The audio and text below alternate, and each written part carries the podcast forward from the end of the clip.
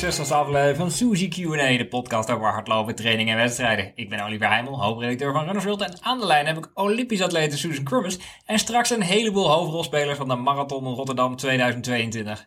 Eerst naar jou, Suzanne. Volgens mij zit je heel ver weg.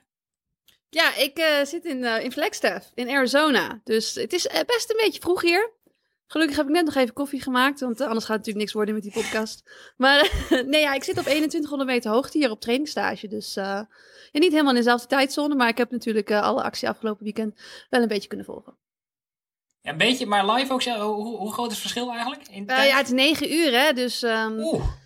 Ik weet wel in andere jaren dat ik hier was en dat Rotterdam was. Um, nou, in 2019 was ik er zelf bij, maar dan in andere jaren dan, dan, dan uh, werd ik s'nachts wel even wakker en dan, uh, nou, dan, dan, dan zet ik even een, een, stream aan of zo en dan keek ik eventjes, meestal niet de hele wedstrijd, want ja, je probeert toch over je jetlag heen te komen en dan, uh, dan checkte ik af en toe even terug en dan ochtends dan vaak de uitslag.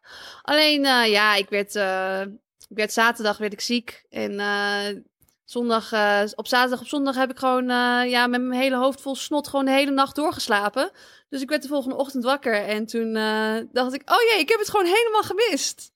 En toen natuurlijk wel meteen gecheckt op social media en zo. En toen ja, zag ik natuurlijk meteen over Abdi en vervolgens ook over Nienke. En toen dacht ik wel, oh wauw, ik heb echt een hele goede race gemist. Maar ehm, ja, nou, ik, ik was te ziek om het antwoord. Ik heb die dag ook gewoon niet kunnen lopen. Dus dat was wel echt balen, want ik was helemaal gemotiveerd daardoor. En ik zag ook heel veel van andere mensen die zeiden, wauw, zo gemotiveerd en nu lekker gelopen en zo. Ja, en ik was gewoon, ik was keiziek. Dus ik kon niet rennen. Dus ik kon mijn ei ook niet kwijt. Dus dat moet nog. Maar je hebt de NOS-feed wel teruggekeken ook? De, de NOS teruggekeken? Ja. Nee, ik heb niet meer teruggekeken, omdat ik toen wist ik de uitslag al. En dan vind ik het ook niet meer leuk om dan, dan de hele wedstrijd terug te kijken. Maar ik heb wel stukjes teruggekeken. Ja. ja, mijn collega Imo werd al twee keer toe een reus genoemd. Ja, dat, was, ja, dat stukje heb ik natuurlijk gezien. Ja. Wat verdorie nou. Dat werd heel Maar zie ik, uh, is, het, uh, is het Tante Corrie of is het gewoon een uh, Amerikaanse hoogtegriep?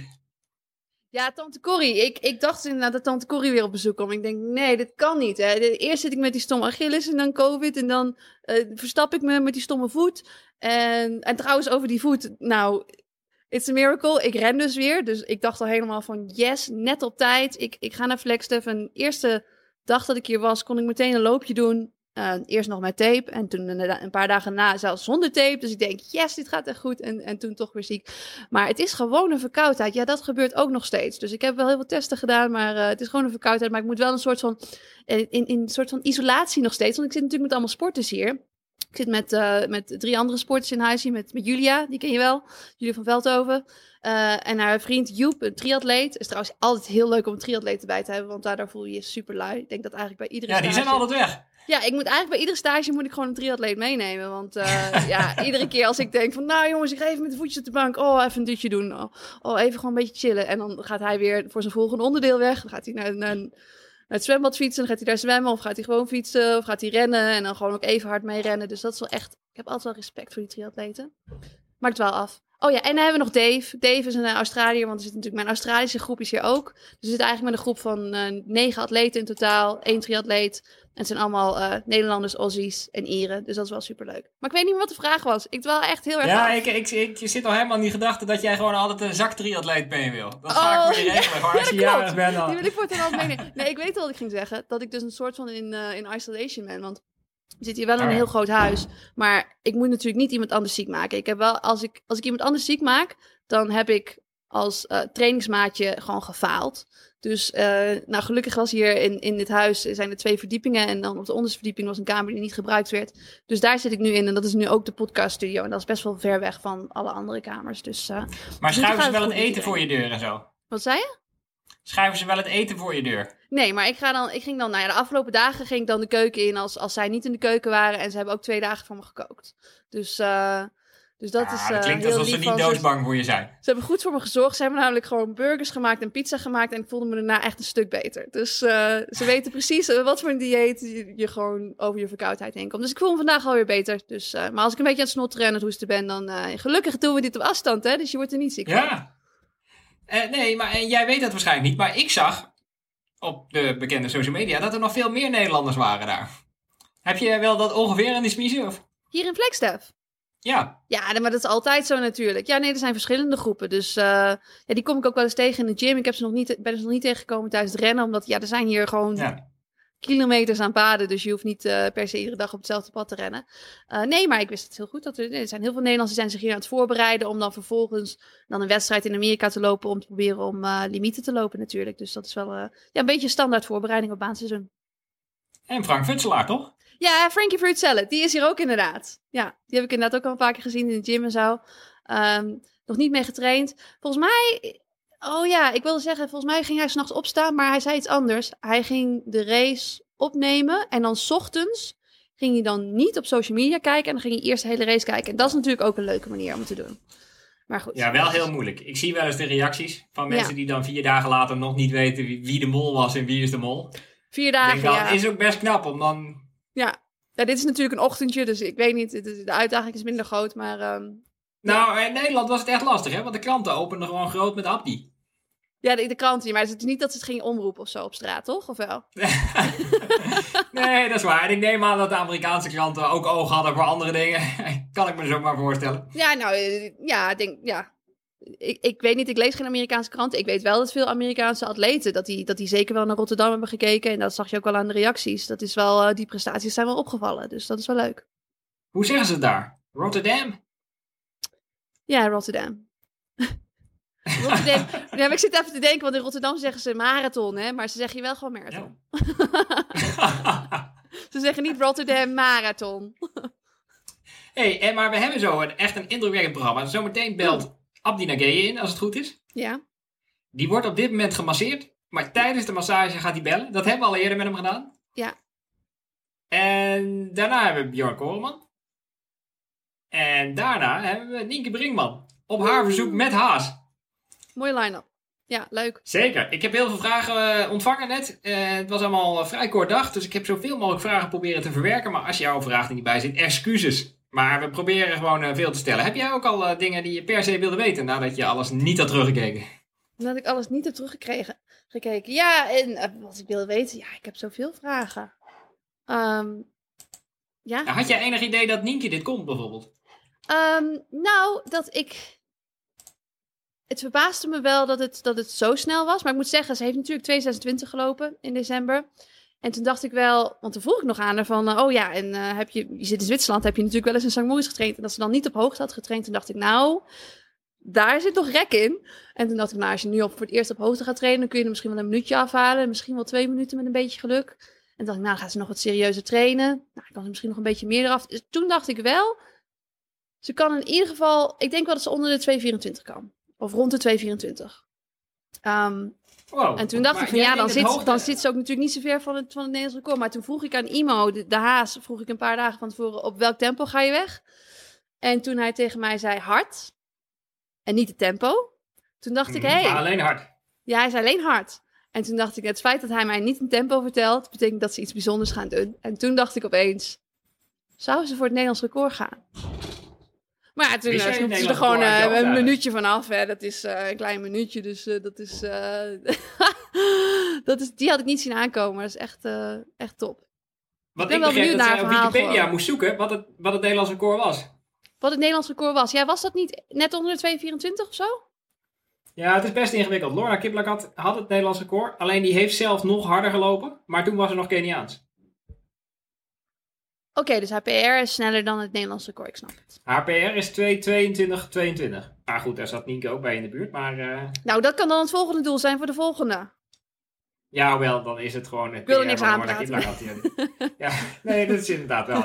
Zullen we even vragen wat ze hierna wil doen, anders? maar ik vond het nog wel interessant. Jij denkt dus dat hoogte, wat zei je, een minuut, twee minuten uitmaakt? Hoogte training? Um, nou, ik denk dat het voor de marathon heel veel uitmaakt. Ja, hoe langer de afstand, hoe meer het uitmaakt. Zeker. Uh, en dan natuurlijk een beetje in combinatie met het feit dat ze, dat ze ook gewoon um, natuurlijk pas twee jaar bezig is. En dat je dan en meer gaat trainen en meer kilometers gaat maken en dat dan ook op hoogte kunt doen. Ik dacht alleen maar, ze gaat natuurlijk nu opbouwen, dus ze moet wel heel blijven. Maar ze heeft duidelijk geen, uh, geen problemen met blessures gehad, want anders dan uh, loop je deze tijd niet. Dus als je gewoon belastbaar bent en dan opeens vanuit het niet nou ja, een hele goede stage op hoogte doet, dan denk ik zeker dat je wel een minuut af kunt lopen, ja. Ja, ja is, is ook heel klein en licht. Ik dacht misschien speelt dat nog mee dat je dan minder blessuregevoelig bent. Of... Ik denk dat ze vooral heel sterk is door, door alle trailrunnen. Ik denk dat dat het is. Kijk, wat, wat, je daar, zeg maar, je lichaam is dan, dan al die impact gewend. En, en dat ze op die stenen loopt en dat je dan moet stabiliseren en dat soort dingen. Kijk, dat zijn oefeningetjes die ik gecontroleerd in de gym probeer te doen. Maar als ik dat op de trail zou kunnen doen zonder dat ik uh, iedere keer mijn Achillespees eraf laat vallen, dan uh, was dat natuurlijk nog beter geweest. Hey, we hebben bezoek! Ja, je schiet gewoon een beeld, Abdi. en, en de masseur ook. De groeten. Oh. Hey, dat is ook mijn masseur, Nick ja. Wind. Superleuk. Ja, dat is toch bekend van Suzanne. Zal niet erg, zal niet nou, wat, wat gezellig. Ja, deze meneer heeft sterke handen, dus het kan zijn dat uh, Abdi af en toe even stil wordt. Want uh, ja. dan wordt hij. Uh, dan een van de beste masseurs die ik ooit ben tegengekomen. Heerlijk. Standaard altijd na de wedstrijd, hè? Oké. Okay. Ja. Ja. Leuk. Is toch een beetje traditie. Ja. En is het nou zo dat, die, dat er na de wedstrijd delen zijn van je lichaam waar die echt niet aan mag komen? Dat die echt niet aan je kuiten mag komen nu of zo? Um, zal ik wel willen, maar uh, hoe meer ik het niet wil, wij zeggen, dan daar, daar, daar moet ik harder uh, drukken. dus je steken? Hoe is het met je, hoe is het met je blaartje? Ik hoorde dat je een blaartje had. Ja, zondag was ik heel aan het roepen. Ik heb nergens last van, alleen maar een blaadje. En uh, ja. Dag, oh mijn god.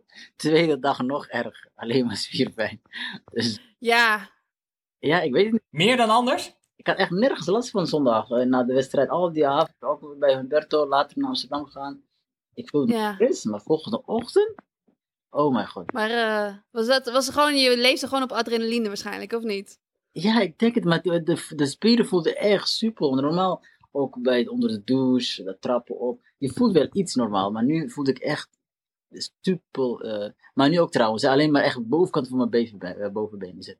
Gewoon twee hout Oké. in daar, maar verder is Nou, het is wel goed om te horen dat je ook mens bent. Dat vind ik wel op zich wel goed. Ja, Dat is wel fijn. Hij was veel harder. Abdi, ik zat naar jouw eindsprint te kijken. Fantastische eindsprint. Ja. Wanneer had jij door, dit ga ik winnen? Keek je af en toe opzij en dacht je, dit zit wel goed? Of?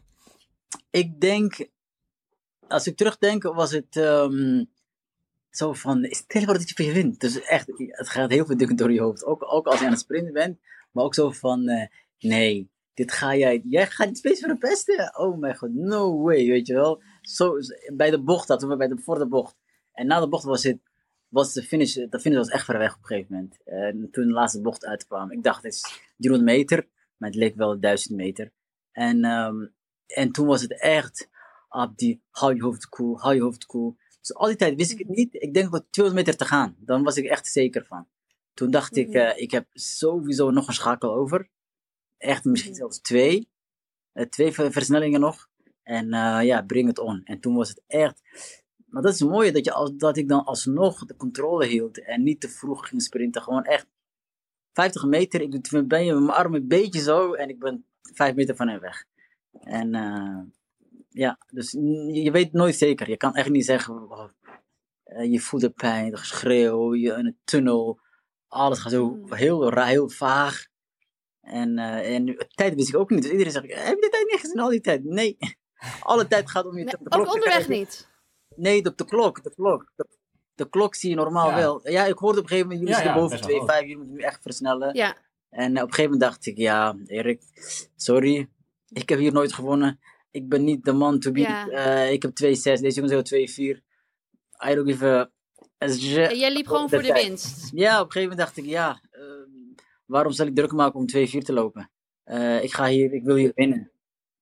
Daar kunnen we allemaal iets van leren. hè? Je moet gewoon voor de winst lopen en dan loop je vanzelf een snelle tijd. Zo werkt Nou, dat. dit was wel een cadeau. Vijf seconden, vier seconden daaronder was echt een cadeau. Ik dacht, ah, mooier kon het niet. Maar op een gegeven moment moet je echt Ja. maken. Want bij 37 wilde ik gaan. Een keertje zei Bashir ook, zullen we 250 erin gooien? Best grappig eigenlijk zulke gesprekken hebben. Hij zei echt, zullen we 250 erin gooien? Toen dacht ik, toen zei Bashir, ja, voor mij hoeft het niet, zei ik. voor mij hoeft het niet. Nee. Ehm, ik vertrouw uit. Jij wilde gewoon tactisch lopen. Laat ze maar op de sprint komen. Want ik, ik, ik, ik wist dat die Ethiopische jongen, je zag hem heel gretig achter die jongen blijven. Dat doen Ethiopiërs normaal ook. Ehm, Mhm. En de Keniaanse jongen ook, die, die had nul zweet op, de, op zijn achterhoofd. En ik dacht, ja, die, die, die gaan echt zo meteen ook. eh, behoorlijk fire komt eraan. Dus ik was daar voorbereid. Ik zeg, ik ga voor hem niet dan voorlopen. Als iemand struggelt En je ziet hem raar lopen. Net dat Ja, en zweet op het achterhoofd, dan, Ja. dan weet je. Ja, ik heb serum zag ik al heel raar lopen op een gegeven moment. Dan denk ik, zo'n stappen? Wauw, die, eh, Mm. die moet echt wel van ijzer zijn. Hoe, die, hoe hij liep raar. En misschien had hij Mhm. blessure, had wat tapes. Ik zeg, maar zo die andere twee, en dan zie je gewoon de gretigheid kan je van hun, eh, hun, eh, hun lichaam lezen. En ik dacht, nou ga ik niet Ja. meer spelen. Nee, nee. Denk je dan dat het veel onderweg zijn het veel mind games? Want je zegt van je kijkt naar iemand die heeft tape en iemand die loopt een beetje gek. En ben je onderweg daar veel, veel aan het kijken wie, er- wie Oh, er nog absoluut, goed zit? En denk je dat anderen ook naar jou kijken? Ja. Ja, absoluut. Eh, ik weet nog, winnaar van ook een paar jaar geleden, die nu meeliep, die een, een super eindschot had toen, 42 liep die denk ik. Eh 2018 denk ik, wel liep die. Ehm, dacht ik, eh, nou, die, die, die was een beetje weg, een tijdje weg. Toen zag ik hem rare broek aan en dacht ik, nou, die zal geen eh, echte sponsor hebben of zo. Ja, hij zit ook misschien wel bij Blazo, ik weet niet bij wie, maar dat zie je al. Nee, dat, die moet dan, als hij lekker heeft getraind, dan heeft de managers gezien, dan wordt ja, dan heeft gewoon alles tot, tot Mm. eh, professioneel, weet je wel. En op een gegeven moment, eh, een andere jongen, die begon, die, die, die is echt goed en die, die hijgde. En ik dacht, nee, ik hijg niet, hij hijgt wel. Dat betekent dat hij moe is. Oké, lekker, die is ook eraf. Weet je, dan ben je echt nog gewoon aan het rekenen, echt elke keer aan het tellen, oké. Maar eh, het is heel grappig. Dus je kijkt wat, men, wat andere atleten, je kijkt wat ze aan hebben. Tuurlijk. Eh, als iemand eh, onder de, helemaal vol onder de tape zit, dan is er iets aan de hand. Als iemand rare kleding aan heeft, dan weet je gewoon dat hij niet... Hij kan wel verrassen natuurlijk. Maar als hij, als hij denkt, nou, die is niet bij Rosa of bij Glass of bij Gianni of bij Global. Dan denk ik dat hij ook minder atleet is, dan weet je het ook. Eh, Ben je er nog, Olivier? Oké, Ja. maar ik wilde zeggen, vind je het, vind je het verwarrend dat, dat er dan heel veel, eh, nou ja, ook recreanten zijn die, die soms wel eens gewoon eh, alle, allemaal mooie outfit hebben en dan mooie vaporflies of alphaflies. Denk je dan van, oh shit, dan moet ik even opletten onderweg. Het is een nieuwe, nieuw talent. ja, maar dan zie je ook zijn loopstijl dan. Hè. Die de loopstijl moet ook goed zijn. Als iemand tak, tak, tak aan het lopen is, Oké, oh, daar kijk je ook nog wel naar. Dat is wel mooi. een mooie kleding aan hebben. En, en zo Kipsirum, die heeft twee keer gewonnen. En ik zie al hoe die landt en, en, en, en de heupbeweging dacht ik, dat gaat heel veel energie kosten. Misschien is, is het zijn loopstijl. Maar ik heb, ook, ik heb toen ook met hem gelopen in 2019 toen die won. En ik herinner niet dat ik hem zo zag. En nu dacht ik, nou, die, eh, die kan ik wegstrepen. Dus ehm, Ja, ik, ik moet trouwens even wat toegeven, Abdi. Ehm, en eh, ja, weet je, tijdens de Olympische Spelen, toen, eh, jij, jij liep natuurlijk de ochtend na mijn wedstrijd. En, ik weet niet. en toen, ja, ik, ik sliep dus eigenlijk door het grootste gedeelte van jouw wedstrijd. Dus ik heb alleen maar het laatste stukje gezien. En, eh, en nu sliep ik weer tijdens jouw wedstrijd. En dat zijn eigenlijk de enige twee wedstrijden dat ik door je wedstrijd sliep. Dus ik vraag me dus een beetje af of ik moet slapen voor jou om een topwedstrijd te lopen. Ik, ik denk dat het zo is. Dus misschien kun je Doet mij laten graag. weten wanneer jouw volgende grote race is. En dan kan ik ervoor zorgen dat ik slaap. nou, dan, dan, dan komt het heel slecht voor jou uit. Dus ik hoop het niet dat je slaapt. Ik hoop dat je dan eh in topvorm bent, want het is de WK. We zijn samen hopelijk in eh USA. Ja, maar- Ehm, Ja, maar ik doe dutjes. Ik doe heel veel dutjes. hier, ah, ah, ja, ja, ja. Nou ja, Ik kan dit, eh, ik kan dit plannen. we willen het, eh, natuurlijk elke keer heb ik het weer over. Ik dacht niet meer over hebben, dus nu voor de laatste keer. Ik loop nooit de wedstrijd achter elkaar goed. Dus, Mhm. oh, eh, somehow eh, liep ik New York voor mijn gevoel echt een van mijn slechtste wedstrijden. Gewoon stom en dom en shit. En eh, Nick was, ik had die massage hier. Toen zei ik tegen hem, weet je nog, vorig keer toen we hier zat, hoe ik dan in elkaar zat. Je, Alleen maar over al die fouten roepen. En nu eh, hebben we Ja. eigenlijk een beetje. En ehm, dus deze wedstrijd was super. En ik hoop echt dat de WK dus wel goed wordt. Maar je weet het nooit. Zulke dingen, ja, ja. dan, maar nee. Moet je misschien een onbelangrijke wedstrijd even starten tussendoor? Ja, hè? Hmm. Ja, maar wat zijn nou een paar van die fouten? Daar ben ik wel benieuwd naar, waar jij het over hebt gehad met Nick. De visio is ook hier. Oh, Ja, het wordt heel gezellig. De video komt er ook nog bij. double, double check. Eh, sorry, zeg eens nog een keer. De, wat zijn, je zei van, ik had het over al de fouten naar New York. Wat zijn dan een paar van die fouten waarvan je zoiets had en dat dit moet ik oplossen voor de volgende race om weer goed te lopen? Ehm, bijvoorbeeld, eh, dan heb je blessuretjes en ik maakte groter dan het was. Ik had een hamstringprobleem. En Mhm. ik zat gewoon op de stoel en dan denk ik, oh ja. En dan ging ik de, de plek zo op mijn vinger pakken. Belde ik Peter, die was ook mee. En eh, Peter, kom, kom. Het is echt hier, hier, hier, hier. En het was, ja, Mhm. omdat ik misschien zo mee bezig was, hadden de management ook niet door, ook Peter ook niet. Dat, dat het misschien dit niet, dat ik daar niet te veel moest. ehm, we hebben later er goed allemaal over gehad, over gesproken. Ehm, Mhm. En nu, nu ook. Ik was nu in, eh, in Rotterdam en dan was het, hey, eh, eh, niet dit hè, dit hè. Klein, klein maken. Ehm, en, Ja. En in de wedstrijd, in de wedstrijd, die jongens, die wisten wie ik was. Die hebben, die hebben, die hebben een plan, die hadden een plan. Hoe gaan we Abdi verslaan? Mhm. Waar gaan we het moeilijk maken? En ik sliep gewoon, ik had dat helemaal niet door. En dan kom je daar gewoon in New York aan, oh, ik ga eventjes winnen. Nee, eventjes winnen bestaat niet in top weer, in de topsport. en nu ook, Ja. nu ook, eh, de jongens van Rosa, het management van Rosa, ehm, eh, die waren heel met de wedstrijd bezig. Die wilden eerder gaan versnellen. Die waren met de wedstrijd bezig, zodat ze ons konden, konden verslaan. Dus wij hadden het allemaal door. Dus dan ging Bashir soms ernaast hun lopen, gewoon voor hun lopen en remmen. Dat je, dat je met hun speelt, met hun game speelt. eh, en niet, niet gaat slapen. En New York sliep gewoon. Ja. Eh, dus sliep Alle- gewoon. Ja. Dan nog een beetje jetlag. oh nee, is andersom. ik denk van, had ik 30 meter en oh ja, oh nee, nu moet ik gaan dichten. En Mm. kan dat? Je moet, eh, net als voor de finish, 5, 6 kilometer te gaan, dan ben je nog gretiger. Dan ga je echt opletten op een halve meter.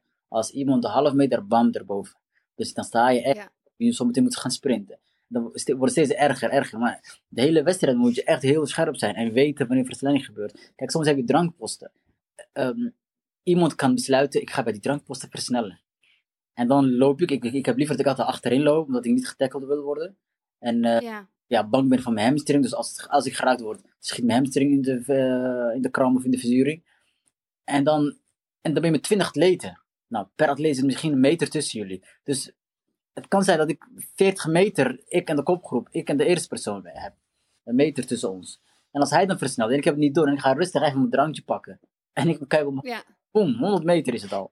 En dan moet je weer gaan dichten. Dat kost ook energie. Ja. Dus als je niet Ja, Olivier die kent dat. Dat ze, dat ze dan versnellen als je een jelletje neemt. Toch, Olivier? Ja, heb ik laatst geleerd, ja.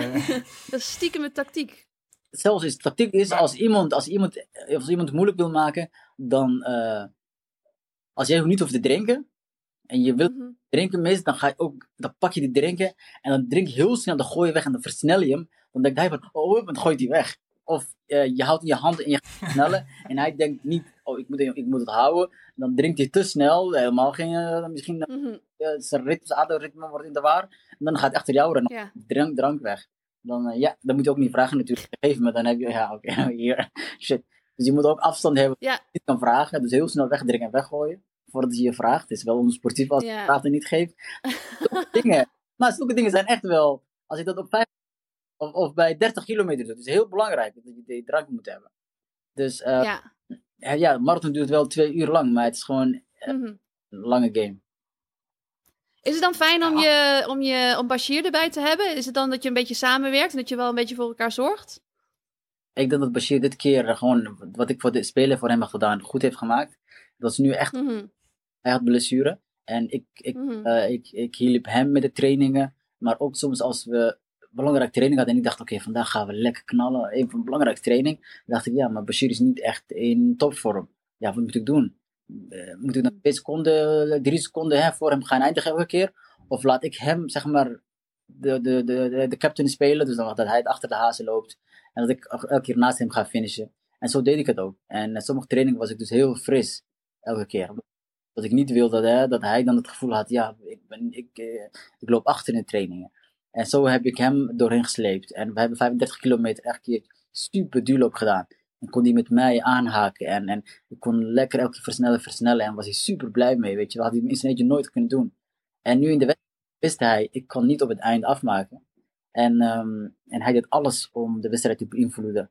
Eh, als ik gat moest dichten, zei hij, blijf maar achter mij. Eh, soms ging ze versnellen en hij had door eerder.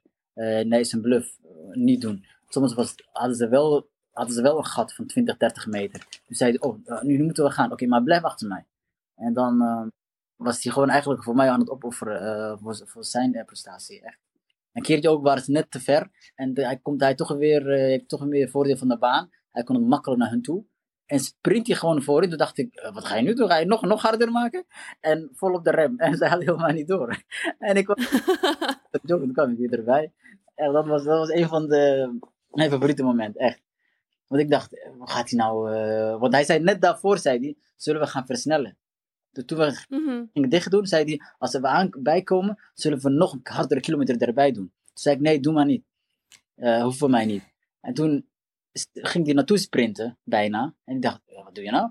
En, ehm, en hij gaat echt voor die jongen lopen. En die jongen denkt van, oh ja, Bashir, wat gaat Bashir doen? Weet je wel, Oeh, we gaan achterin blijven. Vol op de rem. Nice.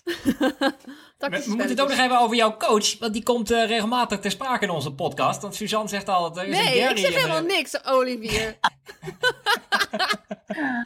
ik zeg helemaal niks, jongen. Dat is het. Anderen zeggen... Oh, ik heb wel eens gehoord dat... Nee. Hij is Grapje. super raar. Ga jij dit nou vertellen over Gary en Paula? Ja, er is een Gary in de relatie en er is een Paula, toch? Nee, nee. Maar Hey, Abdi, ken je dit verhaal of niet? Van 2004? Hallo? Ja, van 2004. Hoor je mij? eh, wat, wat was gebeurd, zeg maar, voor de Spelen, 2004? Of gewoon, oké. Nee, nee, nee. Ik denk, dat, ik denk dat je dit verhaal niet kent. Ik zal ik het eventjes vertellen. De... hij, hij staat bij mij wel stil. Is hij er nog? Ik- Oh ja, ja, hij is er nog. nog. Oké, dan ga ik het gewoon vertellen. Nou, vroeger, eh, vroeger, ja, ik kan wel zeggen dat het vroeger is. Toen ik in Amerika studeerde, woonde ik met allemaal Britten in een huis. En eh, er waren heel veel, eh nou, Britten, Amerikanen. Er waren een aantal stelletjes die gewoon in het team zaten. En waarbij zowel de man als de vrouw hard liep. En ze zeiden van, een, een relatie kan niet werken met twee toplopers. Je moet altijd één hardloper hebben die zijn eh, carrière een beetje opoffert voor de ander. Zo is het nou eenmaal. Het werkt niet om allebei aan de top te staan. Dus toen zei ze, dan is een beetje zoals Gary en Paula. Want Paul Radcliffe is natuurlijk heel goed. Eh, Gary was ook gewoon een goede loper zelf. Maar uiteindelijk heeft hij toch zijn eigen carrière een beetje... Nou ja, hij was, uiteindelijk stond hij toch meer in dienst van, van Paula. Dus ze zeiden altijd van in iedere relatie heb je een Gary en een Paula. En toen vroegen ze ook aan mij en Andrew... eh, wie van jullie is Gary en wie van jullie is Paula? en gelukkig, gelukkig wisten wij allebei dat ik Paula was. Maar er was dus ook een ander stel in mijn huis. Waarbij we het vroegen aan, eh, aan twee Britten. Vroegen van wie is bij jullie Gary en wie is bij jullie Paula? En ze wezen allebei, wezen bij, allebei naar de ander en zeiden... That one's Gary. Ze zijn nog steeds bij elkaar trouwens. Maar goed, dus dat is het verhaal. Maar ik heb dit niet bedacht. Maar- dat wilde ik er wel Nee, even nee, bij nee, zeker niet. Nee, dat wil ik ook helemaal niet suggereren. Ah. Maar is toch een goede coach, eh, zeg ik dan maar, om Suzanne te redden. Gary. Ehm, Gary is een supercoach. En eh, wat grappig is, hè, ik heb het ooit ergens gelezen, dat topatleten echt nooit echt goede coach, coaches kunnen zijn. Mensen die net niet hebben, of hebben gestruggeld, die, ehm, eh, zijn, die zijn beter omdat ze meer begrijpen. Eh, de, de, de struggle van de atleet en de opbouw. Dat ze niet denken van, ik geef jou 1, 2, 3, 4, 5, 8, 10, 10 programma en dan moet je goed lopen. Maar die kunnen we, de andere persoon eh, die eh, gestruggeld heeft, blessures, nooit echt de top, top, top, top heeft gehaald. eh, makkelijk heeft gewonnen, laat zo zeggen. Eigenlijk niet de top, maar makkelijk won. En ja, makkelijk won. Je moet ook hard voor trainen, maar Mhm. dat Bekele of Elliot, die kunnen moeilijk een coach worden. Eh, topcoach, wordt gezegd, hè? in voetbal ook. En, en Gary, ehm, ja, ik vind hem, ik vind hem eh, eh, Oliver, die, die luistert heel goed, dus die blijft gewoon eh, frozen. Maar ik, Ja, ja, ik, je viel even weg, maar ik blijf wel luisteren. Ja, ik wil niet midden in je verhaal vallen natuurlijk. nee, dus ja, ik vind Gary echt een hele goede coach. Eh, Mhm. als het om programma coaching is, Wat, is, wat is er anders in je training dan met je, met je andere groep? Want ehm, je bent natuurlijk veel harder gaan lopen. Dus eh, ik kan me voorstellen dat je iets in je training hebt veranderd. Sorry, ja? Ja, ik, eh, als, ik, als ik moest omdraaien, moest ik eh, van de masseur. Ehm, wat anders is, ja, dat ga ik niet Ja, allemaal hier vertellen, maar nee. allemaal. Is het geheim? Ben je bang dat ik jouw training ga doen en dan ook opeens gewoon eh, een marathon eh, in twee lagen ga lopen? Ehm, nou, Jos, Jos, manager Jos vroeg aan me, en toen zei ik, ja, maar dat ga ik allemaal niet vertellen. Eh, jullie hebben natuurlijk topgroepen in Eritrea en in Kenia en, en eh, Uganda. Ja, nee, ik snap het. En jullie toen moesten echt lachen. Ja, we zijn wel een team, maar eh, nee, nee, nee, nee. nee. Ehm, hij doet, wat doet hij anders? Ik denk gewoon persoonlijk. Hij kijkt naar de persoon.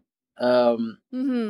ik neem altijd een voorbeeld. Dat ik was in Kenia en ik voelde echt van, ja, misschien moet ik dat programma gaan doen. Ik voel, ik voel dit en ik denk dat ik een beetje vermoeid was. En misschien is dat een relaxed programma.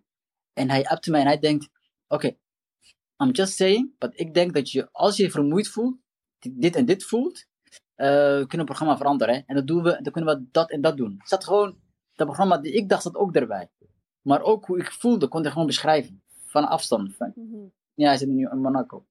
dus alleen met de appjes en uh, training speed kon je letterlijk. Ik vroeg me nog iets af.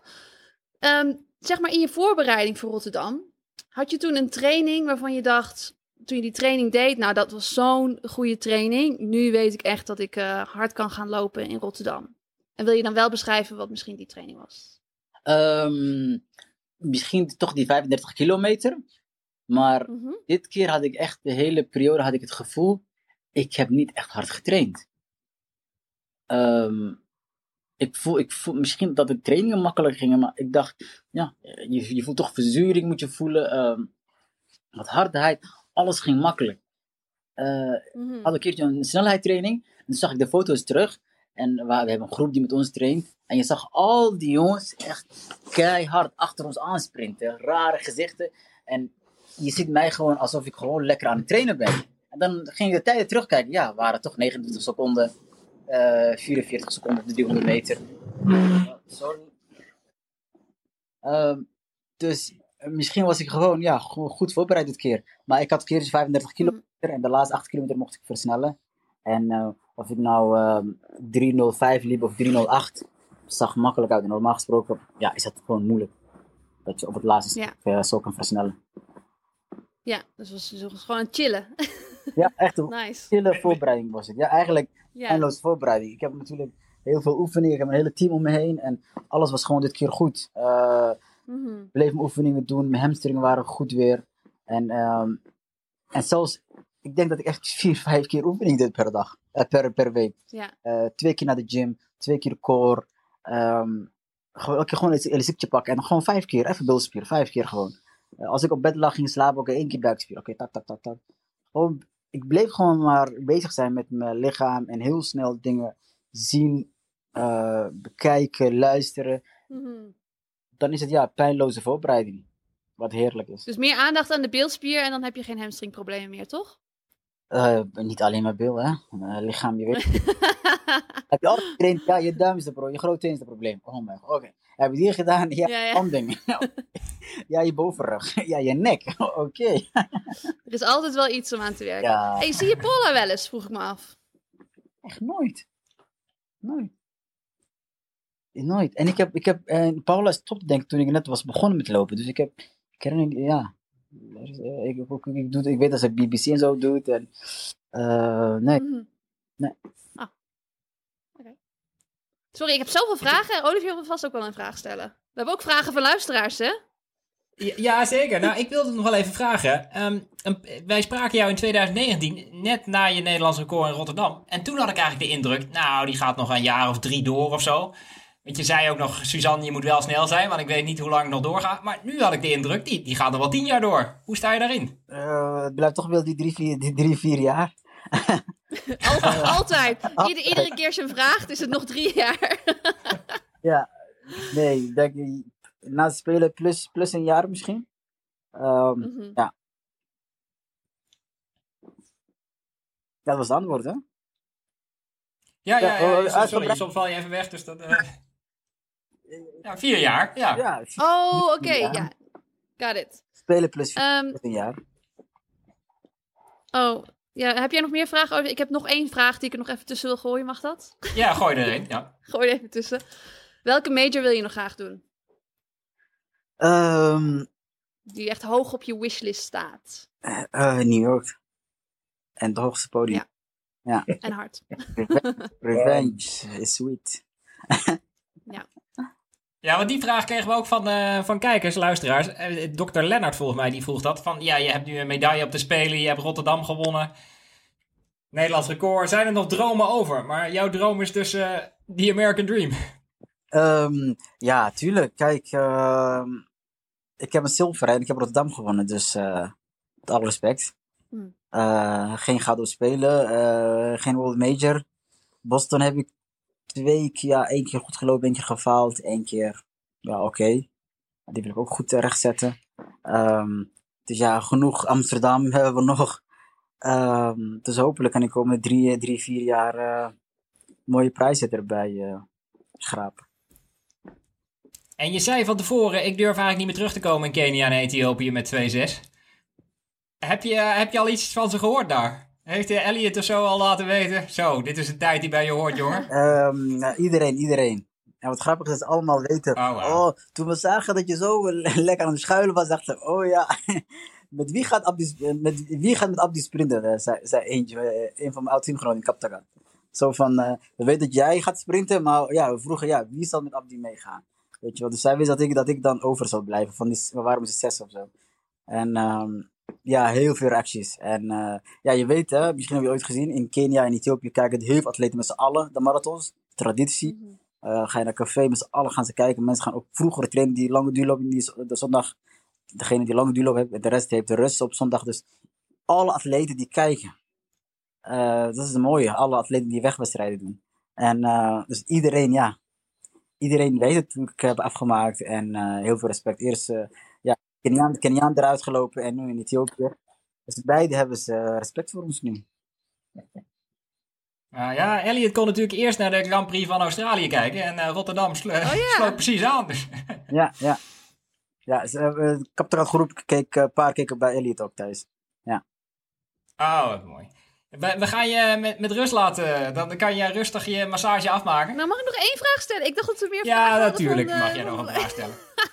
Gooi maar erin hoor. ASO, we hebben, ASO, ik rek het gewoon. Ik rek het gewoon. Nog gaan. Nou nee, weet je, ik, uh, ik uh, zag een uh, fragmentje van Humberto voorbij komen. En ik zag dat je, ten eerste heel leuk dat je daar zat. Vond ik echt top dat je, dat je daar werd uitgenodigd. En, maar um, je zei over dat je niet zoveel at voor de, voor de marathon. Omdat je heel snel steken krijgt. Ja. En, uh, en dat je dus nu alleen maar een paar uh, sneetjes witbrood met jam eet. Is, is dat, los je daarmee je problemen op met je steken? En, en hoeveel eet je dan? Want je zegt eet niet zoveel. Dat, is het dan uh, twee sneetjes ja. brood met, met jam? Kun je daarop een twee uur lopen? Um, dit keer had ik, echt, had ik echt letterlijk vier wit brood met mm -hmm. broodjes, sneetjes, met jam en een banaan. Dus een banaan een uur voor de, voor, voor de warmlopen. dat ja. eigenlijk geen koffie. Um, geen sudrans, gewoon moorten. That's it. Ja. En uh, ja, alleen dat. Maar in de avond van tevoren eet ik wel heel veel. Echt zo'n bord. En uh, dan het snel slapen. Zo'n berg met ja. rijst of zo? Wat, wat eet Ugali hadden we nu, heerlijk. Ugali hadden we echt. Ze hadden dik oh, Ugali! vrouw uitgenodigd. Dat is, wel jou, dat is jouw uh, pre-race meal oh, of is choice. heerlijk, is heerlijk. Dat is gewoon een baksteen in je buik. gewoon lekker mee slapen. Als je dat klinkt heel lekker. Ik moet het eens proberen, zo'n baksteen. nee, maar het, het, voelt zo goed. En je weet gewoon, ja, ik heb gewoon uh, diesel op, weet je wel. En, uh, ja. en gelijk mee slapen. En als je wakker ja. wordt, wat mooi is ook, dan, ga je, dan druk je eventjes. Je hoeft maar twee minuten rond te bewegen in je kamer. En je gaat naar het toilet. Alles in één keer. Heerlijk. Top. Dus dit is, dit is duidelijk ja. de beste voorbereiding. Als ik ooit een marathon ga doen, dan ga ik de avond ervoor Ugali eten. Komt helemaal goed. Dankjewel voor de tip. Heel erg bedankt voor je tijd, uh, Abdi. En uh, geniet ja. ervan. Hey, dus succes dus dan in uh, Amerika, hè? Zie je snel. Ja, kom naar Flagstaff. Kom jij naar Flagstaff? ja, ja, ja, de WK is in Amerika. Oh ja? Dus, ja. Over twee, Wanneer? drie weken. Nee, eind oh. mei. Oh, eind mei. Dan ben, dan ben ik wel weer weg hier, helaas. Jammer de bammer. Nee, eind mei. Ah, je kan wel iets voor hem verstoppen. Ja, dat zal ik zeker doen. Dat is echt superleuk. Ga ik doen. Oké, okay, dankjewel Abdi. Deze, doei doei. Deze, doei. Dankjewel Abdi Nageye. En we hebben gelijk Bjorn Koreman, volgens mij, Björn. En die kan jij nu toelaten, toch? Ja, komt-ie. Björn Koreman, jij was dit weekend goed voor een ongelofelijke 2.10.32 in Amsterdam. Sorry, in Rotterdam. Um, en we hebben natuurlijk ongelooflijk veel vragen voor je. Allereerst, ja, Amsterdam, ik, Amsterdam moeten we snel vergeten, hè? Ja, dat, dat knippen eruit, joh. Dat komt helemaal goed. ik ben wel even maar apropos. Ja, ik wilde vragen. Dit was natuurlijk een, een ruim een halve minuut sneller dan in Wenen. Maar het was ook een, echt een compleet andere marathon. Waar hou je meer van? Van Rust of van Rotterdam? nou, dit, dit, heeft wel duidelijk mijn voorkeur hoor. Het was, uh, het was genieten. En ook als ik zie, ik heb mezelf moeten herpakken op 39 kilometer. En ik denk als ik het probleempje had wat ik hier in Rotterdam had, in Wenen had gehad, dan had ik in Wenen een groter probleem gehad uh, zonder dat publiek, ja. Ja, hoewel er dan geen camera van de NOS op je snuffert had gestaan. Ik kan me voorstellen dat het iets met je doet als je lekker staat te rekken op 39. Ja, op zich, uh, op, op zich wel. Alleen uh, andere kant, ja, je weet ook niet wanneer ze filmen, zeg maar. Hè? Dus er is altijd een camera bij je, je weet het niet. Alleen achteraf heb ik wel meegekregen dat iedereen thuis, maar ook iedereen die bij de finish stond, dat het laatste beeld wat er van mij was, dat was dus echt uh, dat ik aan het wandelen was. Oh, en die no. dachten, oh, dit ga je niet menen. En zelf wist ik eigenlijk wel van, ik heb gewoon 10, 15 seconden nodig om eventjes, uh, ja, gewoon even te wandelen. En daarna zal het waarschijnlijk wel weer gaan. Alleen ja, dat, uh, dat krijgen de mensen thuis en langs, langs de kant natuurlijk niet mee. Wat was het probleempje precies dan? ik kreeg gewoon steken. En ik had het al bij 36. En ik dacht, ik hoopte gewoon dat ik het tot de finish vol zou houden met die, met die steken. Maar het werd steeds erger. En ik merkte eigenlijk, het was aan de rechterkant, dat heel mijn rechterkant een beetje blokkeerde. Dus mijn rechterbeen, doordat ik gewoon zulke erg steek had. Mhm. Dus ik wist, ik was al een paar keer met mijn armen in de lucht gaan rennen. Ik dacht misschien dat ik dan wat meer ruimte krijg om te Dat ademen. je ging zwaaien? ja, dan zie iedereen allemaal zo een wave voor mij doen en zo. En, uh, nee, maar het was uiteindelijk, uh, wist ik gewoon, oké, okay, als ik nu misschien even gewoon vijf, zes keer even goed adem kan halen, dat het misschien uh, weggaat. En dat, dat was ook zo, gelukkig. Weet je, weet je waardoor het kwam, de steek, of niet? Ja, ik denk iets te veel gedronken. Althans, ik, ik merk dat ik nooit heel veel nodig heb. En ik denk dat ik uh, bij 30, 35 misschien net iets te veel gedronken heb. Maar ik denk, ja, het is wel iets goeds om even uit te gaan zoeken dat het niet nog een keer voorkomt. Mm -hmm. Dus uh, dit is wel een uh, belangrijk aandachtspuntje. Want op zich, ja. ik kijk er niet zo naar, maar je laat misschien wel een, een 2-9 liggen. Ik heb alle vertrouwen in dat die er nog gaat komen in de toekomst. Ja. Alleen, het is wel zonde dat je gewoon, ja, er, er is ruimte voor verbetering. En dat is. Ja, anders heb ik nog wel een tip voor je. Want je kunt ook de avond ervoor kun je ugali eten. En dan, uh, en dan op de ochtend van de wedstrijd witte boterham met jam. En dan ga je heel hard lopen. Ja, ik ga het zelf ook uitproberen. Ik heb net die tip gekregen van een andere topper. Dus. Oh, oké. Okay. Nou ja, dat, dat ontbijt doe ik al zo, precies. Alleen dat avondeten Echt? zou ik misschien ook eventjes aan kunnen passen, ja. Echt, met de ugali. dus, uh, ik, dat gaan ik we zag doen. op uh, Strava overigens dat je die ene kilometer dat je vrij relaxed stil stond, moet ik zeggen. Eh, het leek wel een kinderkatreclame, gewoon even, hups. um, liep je nog steeds 3,29, maar het grappige is, Strava maakte ervan activiteit met Richard D. Uh, dat is uh, Richard Dauma, maar... Voelde dat ook voor jou zo, als een ochtendactiviteit met Richard D? Nou, of, wat Nou, het voelde, weer, het voelde weer alsof ik achter een winkeldivaan had gezeten, maar... Uh, Oh nee. nee, dat, uh, nou, dat was een lekkere ochtendactiviteit, ja, dat, uh, dat zeker. Ja, top. Maar, want jullie profiel verschilt natuurlijk heel erg. Hij liep in 2019, toen jij uh, ja, nog hele andere dingen aan het doen was. Um, liep hij uh, 800 meter indoor, volgens mij, EK. En toch lopen jullie in, in zo'n marathon samen. Merk je dan dat hij uit een hele andere wereld komt? Of uh, was hij eigenlijk een geboren marathonloper die zich verstopt had als 800 meter loper? Ja, ik denk dat, dat Richard sowieso een van de grootste talenten is van Nederland. Uh, alle afstanden die hij doet, uh, die, die kan hij goed. Natuurlijk een snel recordhouder op de 5 en op de 10. Onlangs ook nog zijn debuut gemaakt op de halve, naast dat hij zijn debuut heeft gemaakt op de hele. En uh, dat was natuurlijk ook in 1-2, 1-2-26 of zo geloof ik. Dus ja, op zich laat hij wel zien dat hij uh, in ieder geval tot de beste lopers van Nederland behoort. En ook wel alle afstanden in principe kan doen. En zeker als je met 2.12 debuteert, dat zijn er niet veel uh, die hem dat na hebben gedaan, denk ik. Dus uh, dat was bij mij nog vijf minuten langzamer. Dus, maar, ja. maar, had je oog voor hem onderweg? Wist je van hij zit er nu nog bij en hoe gaat het met hem? Of was je toch vooral heel erg alleen? Ja, nee, we wisten echt al maanden geleden dat we samen in hetzelfde groepje zouden zitten. Dus uh, wat dat betreft, we hebben niet echt samen getraind van tevoren of zo. Maar we wisten wel van tevoren, hebben we wel van alles kunnen bespreken. Op welk tempo gaan we weg. En ook de dagen van tevoren met de hazen. Gewoon goed kunnen bespreken van, ja, wat gaan we doen? Welk tempo uh, gaan we lopen? En eigenlijk wisten we constant wel dat we in, in hetzelfde groepje zouden zitten. Uh, we hadden ook een heel mooi groepje, volgens mij 12 man of zo, waar we mee starten. Waaronder dan drie hazen. En eigenlijk zaten wij met z'n tweeën altijd gewoon heel kort achter de hazen. Die ook, ja, voornamelijk uit NN Running Team dan kwamen. Dus op zich is dat dan wel fijn dat je dan echt met z'n allen in datzelfde team zit, dat je dat ook gewoon zo kan faciliteren natuurlijk. Ja, ik kreeg nog een vraag of, of je nog verzoeknummers hebt voor het NN Running Team. Zijn er nog mensen die jij er graag even bij zou willen vragen? Oh, dat, uh, mag ik daar wat langer over nadenken? Genoeg, Su Suzanne misschien. ja, de vragensteller dacht aan, aan Frank Futselaar, dus die, die kan je straks nog bedenken. Ah. Ja, maar die, die heeft al zulke mooie contracten liggen, joh. Dat, uh, ja, dat. Uh... ja, precies. um, er kwamen heel veel vragen langs natuurlijk over, um, over die, uh, die kleine rekpartij op 39. Mensen vroegen zich af, dacht jij, hier gaat mijn toptijd? Je zei net al van, dat dacht ik eigenlijk niet. Toch?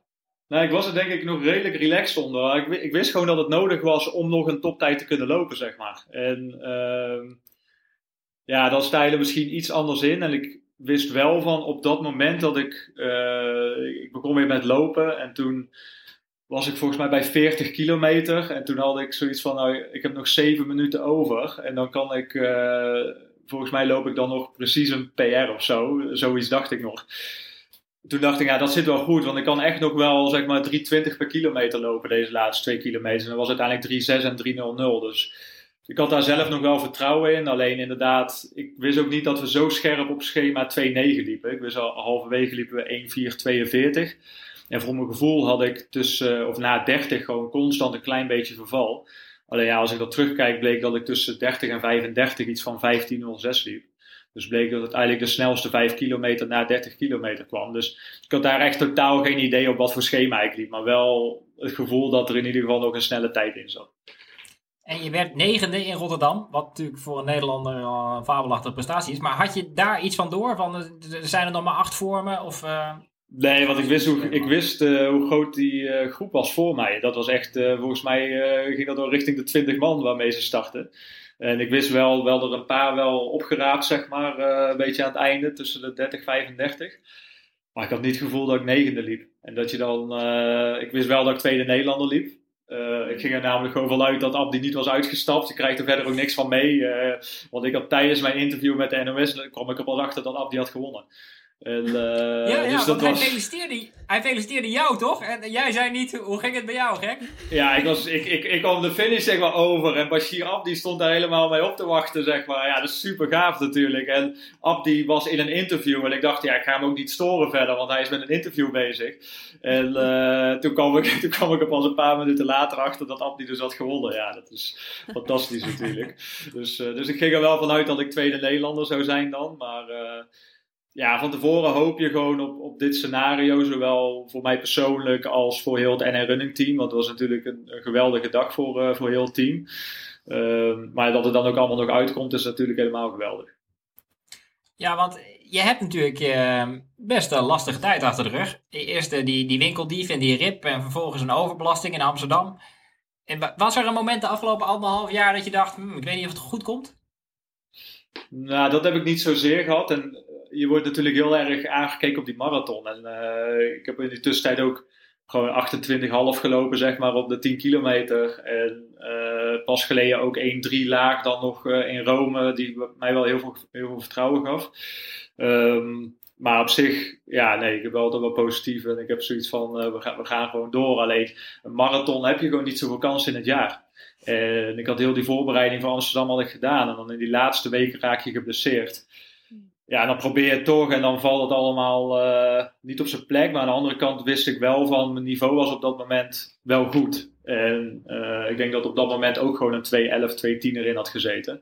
Uh, en nu laat je het wel zien, dus ja, ik ben alleen maar blij mee dat het, dat het nu wel uitkomt. Voelde je wel iets beter dan in Amsterdam? Ja, over het algemeen helemaal natuurlijk. ik merkte wel nu in die laatste week dat ik wat meer gestrest was. Best wel ik merk, of eigenlijk best wel, ik had gewoon heel veel spanning. En wel ook door wat je net zegt, van um, ja. het zal toch niet weer in die laatste week dadelijk fout gaan. En uh, ik was echt een beetje wenen aan het kopiëren in die laatste week. Zo, op vrijdag had ik toen een reisdag, pak ik nu ook een rustdag. Uh, op woensdag die laatste heel ver naar Groningen gereden en terug dus, gewoon. ja, ja, ja, precies. Dus, uh, maar voelde je dan eigenlijk wel goed in de week ervoor? Nee, niet zo. Niet zo? Nee, ik voelde me helemaal, ik, wat ik al zei, heel veel spanning. Ja, ik snap stress, maar fysiek bijvoorbeeld. Ja, dat wel. Mijn benen en zo voelden echt super goed. Alleen uh, ik zat gewoon heel erg te twijfelen van, heb ik wel genoeg gedaan? En uh, een beetje die onzekerheid die ik normaal niet zo mhm. heb, had ik nu veel meer. En dat kwam vooral door Amsterdam eigenlijk. Ja, ja oké. Ja, en wij wonen allebei in Brabant, dus ik las in het Brabant Dagblad um, dat, dat je ook wel wat stress had, omdat je nu natuurlijk bij het NN Running Team zit en daar horen veel interviews bij. En het is toch een beetje anders dan uh, vijf jaar geleden. Ja, het is, kijk, Wenen, daar reed je inderdaad naartoe. Dan had je misschien wel die autorit, maar hoefde je niet uh, twee uur lang interviews te doen op donderdag en op vrijdag. En, uh, en daardoor merkte ik ook wel dat ik op zaterdag was ik opeens wel heel relaxed, zeg maar. Dus op donderdag en vrijdag was ik nog best wel gespannen. En op mhm. zaterdag dacht ik van ja, nu, nu is echt alles gedaan. Weet je, zelfs het laatste loslo loslooprondje is gedaan met de groep. En uh, nu is gewoon wachten tot de start. Ja, die laatste nacht slaap ik altijd wat slechter. Maar dat, uh, die laatste nacht maakt niet zoveel uit natuurlijk. Hebben we een vraag over? Ja, precies. Een vraag van uh, Erna van S. Slaap je goed de avond voor de marathon? Zij niet. Nee, ik, uh, ik ook niet. Nee, maar weet je, die laatste nacht, dat maakt het gewoon helemaal niks uit. Als je die nachten ervoor goed slaapt, dan dat vind ik het belangrijkste. Ik heb uh, een van mijn beste wedstrijden ooit was de Dam tot Damloop. 2019 denk ik was dat. Uh, toen heb ik denk ik een uur geslapen die nacht. Ik kon gewoon niet slapen. Die airco ging altijd aan, uit, aan, uit. En dan werd ik dan weer zwetend wakker en noem maar op. En uh, nu heb ik al iets meer uur geslapen. Maar ik, ik, als ik die nachten ervoor maar goed slaap, dan is het goed. Ja. Die laatste nacht die maakt niks uit. Dat is wel grappig, want ze vroegen, ze vroegen nog voor tips. Maar jij hebt dus geen tips, want je zegt gewoon, uh, moet je gewoon uh, negeren. Ergo aan en ja, ja, ja. Maar nou ik denk op zich wel, wel, als je erover stress, dan, is het dan, dan kan het wel invloed hebben op je race. Als je, dan, als je dan denkt van, oh, omdat ik niet heb geslapen, ga ik niet goed lopen. Dan ga je misschien ook niet goed lopen. Ja, dus misschien al een beetje van tevoren loslaten dat je al slecht gaat slapen. En daardoor slaap je juist misschien weer beter. Ja, en gewoon accepteren. Ja, precies. Ja. Zeker een goede tip. Ik uh, kreeg ook een vraag van Roy Rietveld. Bjorn Koreman, waar, sorry Bjorn, uh, waar ligt jouw grens, denk je? Onder de 2,8 of uh, wil je zelfs richting Abdi? Nou, ik zei ook tijdens het interview nog uh, van het weekend van ik hoop dat we dat gat zo klein mogelijk kunnen maken met Abdi. Uh, al ben ik er wel van overtuigd dat het heel lang gaat duren voordat er een andere Nederlander uh, bij Abdi echt in de buurt gaat komen. En ik hoop dat dat voor mijzelf, dat ik dat, dat zit nu op 5,5 minuut. misschien dat dat ooit naar 3 minuten kan gaan of zo. Dus zeg maar een 2,8, 2,7, dat zou voor mij al echt helemaal fantastisch zijn natuurlijk. Zo je onder het oude Nederlandse record van Camille Maassen kan duiken, dat, dat zou voor mij wel een mooi doel zijn. Nou, hij heeft natuurlijk wel lang hetzelfde gehad met Elliot Kipchoge, dat hij daar vele minuten achter zat. En dat uh, is inmiddels, uh, ja, het ligt een beetje aan de definitie, maar twee minuten of vier minuten geworden. Ja, precies. En ja, die zou ook na de race uh, gewoon geduld hebben. Je maakt nu al deze stappen en ja, wie weet wat er nog meer mogelijk is. En uh, hij zei, kom een keer mee naar Ethiopië of naar Kenia om daar te trainen. En misschien kunnen we dan de juiste stappen maken om inderdaad richting die 2,8 of 2,7 te gaan. Dus, uh, en ja, vooralsnog, we zeggen nu elk jaar willen we ongeveer een halve minuut tot een minuut eraf lopen. Nou, ja, mm -hmm. Ik denk dat we op de goede, op de goede weg zijn nu om, uh, om dat om dat vast te houden. En ik liep nu ook lang op schema wel echt voor een 2-9. En dat geeft ook echt wel vertrouwen dat dat erin zit. Waar heb je je nu eigenlijk voorbereid? Uh, in Zuid-Afrika, in Durban. En uh, echt, ja, een bijzondere plek. Mm -hmm. uh, eigenlijk, ik zat met kerst met, mijn, met mijn familie. En mijn zwager heeft, ja, zijn familie heeft wat appartementen in Kaapstad. En toen Luc en ik, Luc Maas en ik hadden zoiets, ah, laten we daar eens heen gaan. We hadden allemaal hardlooproutes. En toen opeens kregen we van Adam, een van mijn hazen ook, afgelopen weekend uh, kregen we het advies van kom eens naar Durban. Want dat, op zich kan je hier ook prima trainen. En uh, beter dan in Kaapstad, minder wind. Zo zijn we naar Durban gegaan. Uh, ik denk niet dat ik het snel nog een keer zou doen. Ik heb wel op zich goed getraind daar, maar het is echt heel warm. Het is, de luchtvochtigheid was gewoon elke dag 98%. Oh, lekker. En uh, ja, Dekentje. gewoon. Uh, Dekentje. Ja, heerlijk, heerlijk. En dan ja, elke dag 32 graden. Ja. En dat, uh, ja, dat is echt heel pittig. Dus we moesten wel elke dag om uh, zeg maar half zes trainen. En dan, uh, ja, dan was het eigenlijk ook te warm. Dus ja. je kon niet je tempo's lopen die je in Nederland loopt, zeg maar. Als je hier een blokje van 10 of 20 minuten op 3.00 doet, dat uh, tel daar maar even 10 seconden bij op. Dan, ja. uh, en, en daar heb ik wel een fout in gemaakt in de eerste vijf dagen. Door gewoon mm. lekker om half, ne half negen of half tien pas te gaan trainen. En dan, uh, en dan lekker even een baantraining te gaan doen. Uh, dat, dat gaat niet helemaal goed. Maar uiteindelijk, ja, ik ben er sterk uit teruggekomen. Dus dat is het belangrijkste. Ze zeggen trouwens in, uh, in Amerika, want ik heb natuurlijk in Florida gewoond, waar het ook gewoon uh, iedere dag zo ongeveer 100% luchtvochtigheid was. Zeggen ze altijd dat uh, humidity is the poor man's altitude. Dus als je geen geld hebt om op uh, hoogte stage te ja. gaan, als je dan humidity heeft, heeft ongeveer hetzelfde effect. Is natuurlijk niet helemaal waar. Maar ik moet zeggen dat toen wij. Ja, toen ik geloof daar wel ook wel zo was. Ja, dus als je dan naar Rotterdam gaat, ja. dat je opeens denkt: hé, hey, ik kan meer ademhalen. Nou, ik geloof daar best wel in, want ik heb nog een paar keer ook hebben we het daarover gehad. Van, ik Mhm. reageer niet heel, of ik reageer eigenlijk goed op hoogte, maar ook weer niet, zeg maar, doordat ik heel snel wen aan hoogte. En Ja. niet veel, ik, kan heel snel al op een goed niveau op hoogte lopen, zeg maar. En met warmte heb ik dat dus niet. Ja, ja, eigenlijk wel vaak. En Bram heeft al een hoger. paar keer in St. Moritz gezegd van, ja, dit gaat eigenlijk te makkelijk en daardoor is het effect niet goed genoeg, zeg maar. Hmm. En ehm, ik heb dat met warmte dus helemaal niet. Dus Ja. ik heb eigenlijk het gevoel gehad dat ik, dit was voor mij een heftigere trainingstage dan ik op hoogte zit. Ja, meer, meer prikkels dan. Maar als je dan Ja. denkt, ehm, hoe hoog is het hoogste waar je getraind hebt dan? Is dat St. Moritz? Nee. Ben je nog over geweest Ehm, ergens? Ja, in Oostenrijk 2000. Maar niet, Oh, toch wel veel 2000. hoger. Ik wil Ja. zeggen, ik ben nu hier in Flagstaff en ik, ik ben nu al een beetje buiten adem tijdens de podcast. Dus ik merk wel het verschil gewoon eh, tussen zeg maar 2100 meter of 1800 meter. Ik ben het wel met je eens dat het in St. Moritz dat dat soms na een paar dagen al kan voelen of je op zeeniveau bent. Ja, precies, precies. Dat, Ja. ja. ik geloof ook wel dat dat, dat, dat eh, helpt. Ja, 1800 of 21. Dus misschien moet ik het nog iets hoger. eh, gewoon Ethiopië 3400 of zo. Kom hier langs, gezellig. Er zitten nog een paar Ja. andere Nederlanders hier ook. Ja, precies, precies. Ja, eerst even herstellen. Dan eh, Ja. gaan we Oh, nieuwe ja. plannen maken. Daarover gesproken, ik heb een vraag binnen van Mijke Prins. Die vraagt, hoe geniet je na na zo'n marathon? Ja, gewoon eh, met... eh? Nee. Even eh, rustig aan. Gewoon eventjes laten bezinken. Het komt nog niet helemaal binnen of zo. En vooral ook, je hoeft wel wat openen. Je ziet alleen maar Nederlandse koor, Nederlandse koor. En, eh, dus ik ben ook vooral aan het genieten van Abdi en Nienke, zeg maar. Hè. Dat is gewoon eh, het complete plaatje. Eh, dus ik moet er nog een beetje een plek geven allemaal. Eh, Dat ik zelf ook nog niet besef helemaal dat ik echt 2.10 heb gelopen. Ehm, en zeker ook vandaag komt dan weer zo'n lijstje naar voren dat je dan bij de snelste vijf Nederlanders ooit, of uiteindelijk zijn het er zes, want ik ben even op mijn vingers getikt door iemand. Eh, Waar, waar? dat, ik, eh, dat ik dus zesde, zesde ooit ben op, eh, op de koolsingel, zeg maar. En eh, ja, dat, is, dat, dat zijn wel echt mooie, mooie dingen. Dus nu staat vooral een beetje het teken van eh, genieten en eh, eh, volgende week even lekker een weekendje weg met mijn vriendin en ja, lekker even, even rustig aan doen. Ben je ook zo iemand die dan meteen aan de volgende plannen denkt? Of heb je echt zoiets van, nee, ik neem even de tijd en dat komt over een paar weken pas? Nou, ik zit wel meteen weer met die 2-9 in mijn hoofd. Zo van, oké, dat die moet eraan zien te komen. En ik heb nu echt heel veel zin in het EK. Eh, ik ben al vandaag gebeld door de Atletiek Unie en het wordt mijn officiële eerste toernooi. Eh, dat is natuurlijk eh, het eerste toernooi waar ik me voor kwalificeerde was de Olympische Spelen. En nu, eh, nu het EK. Ja, dat, En daar kijk ik wel echt geen naar uit. PowerPoint-presentatie, toch? Als het goed is hoef ik dat nu niet te doen. Tenzij er in de komende twee weken opeens nog zeven man de limiet lopen of zo. Maar, eh, Ook wel zeggen, het is niet meteen een selectie, maar het is meteen een, eh, een soort van halve uitnodiging dan. Ja, dat, of het moet echt, echt gek lopen, zeg maar. Maar in principe, Mhm. eh, eh, van volgens mij wil Abdi sowieso voor het WK gaan, eh, dat Ja. ik dacht. En ja.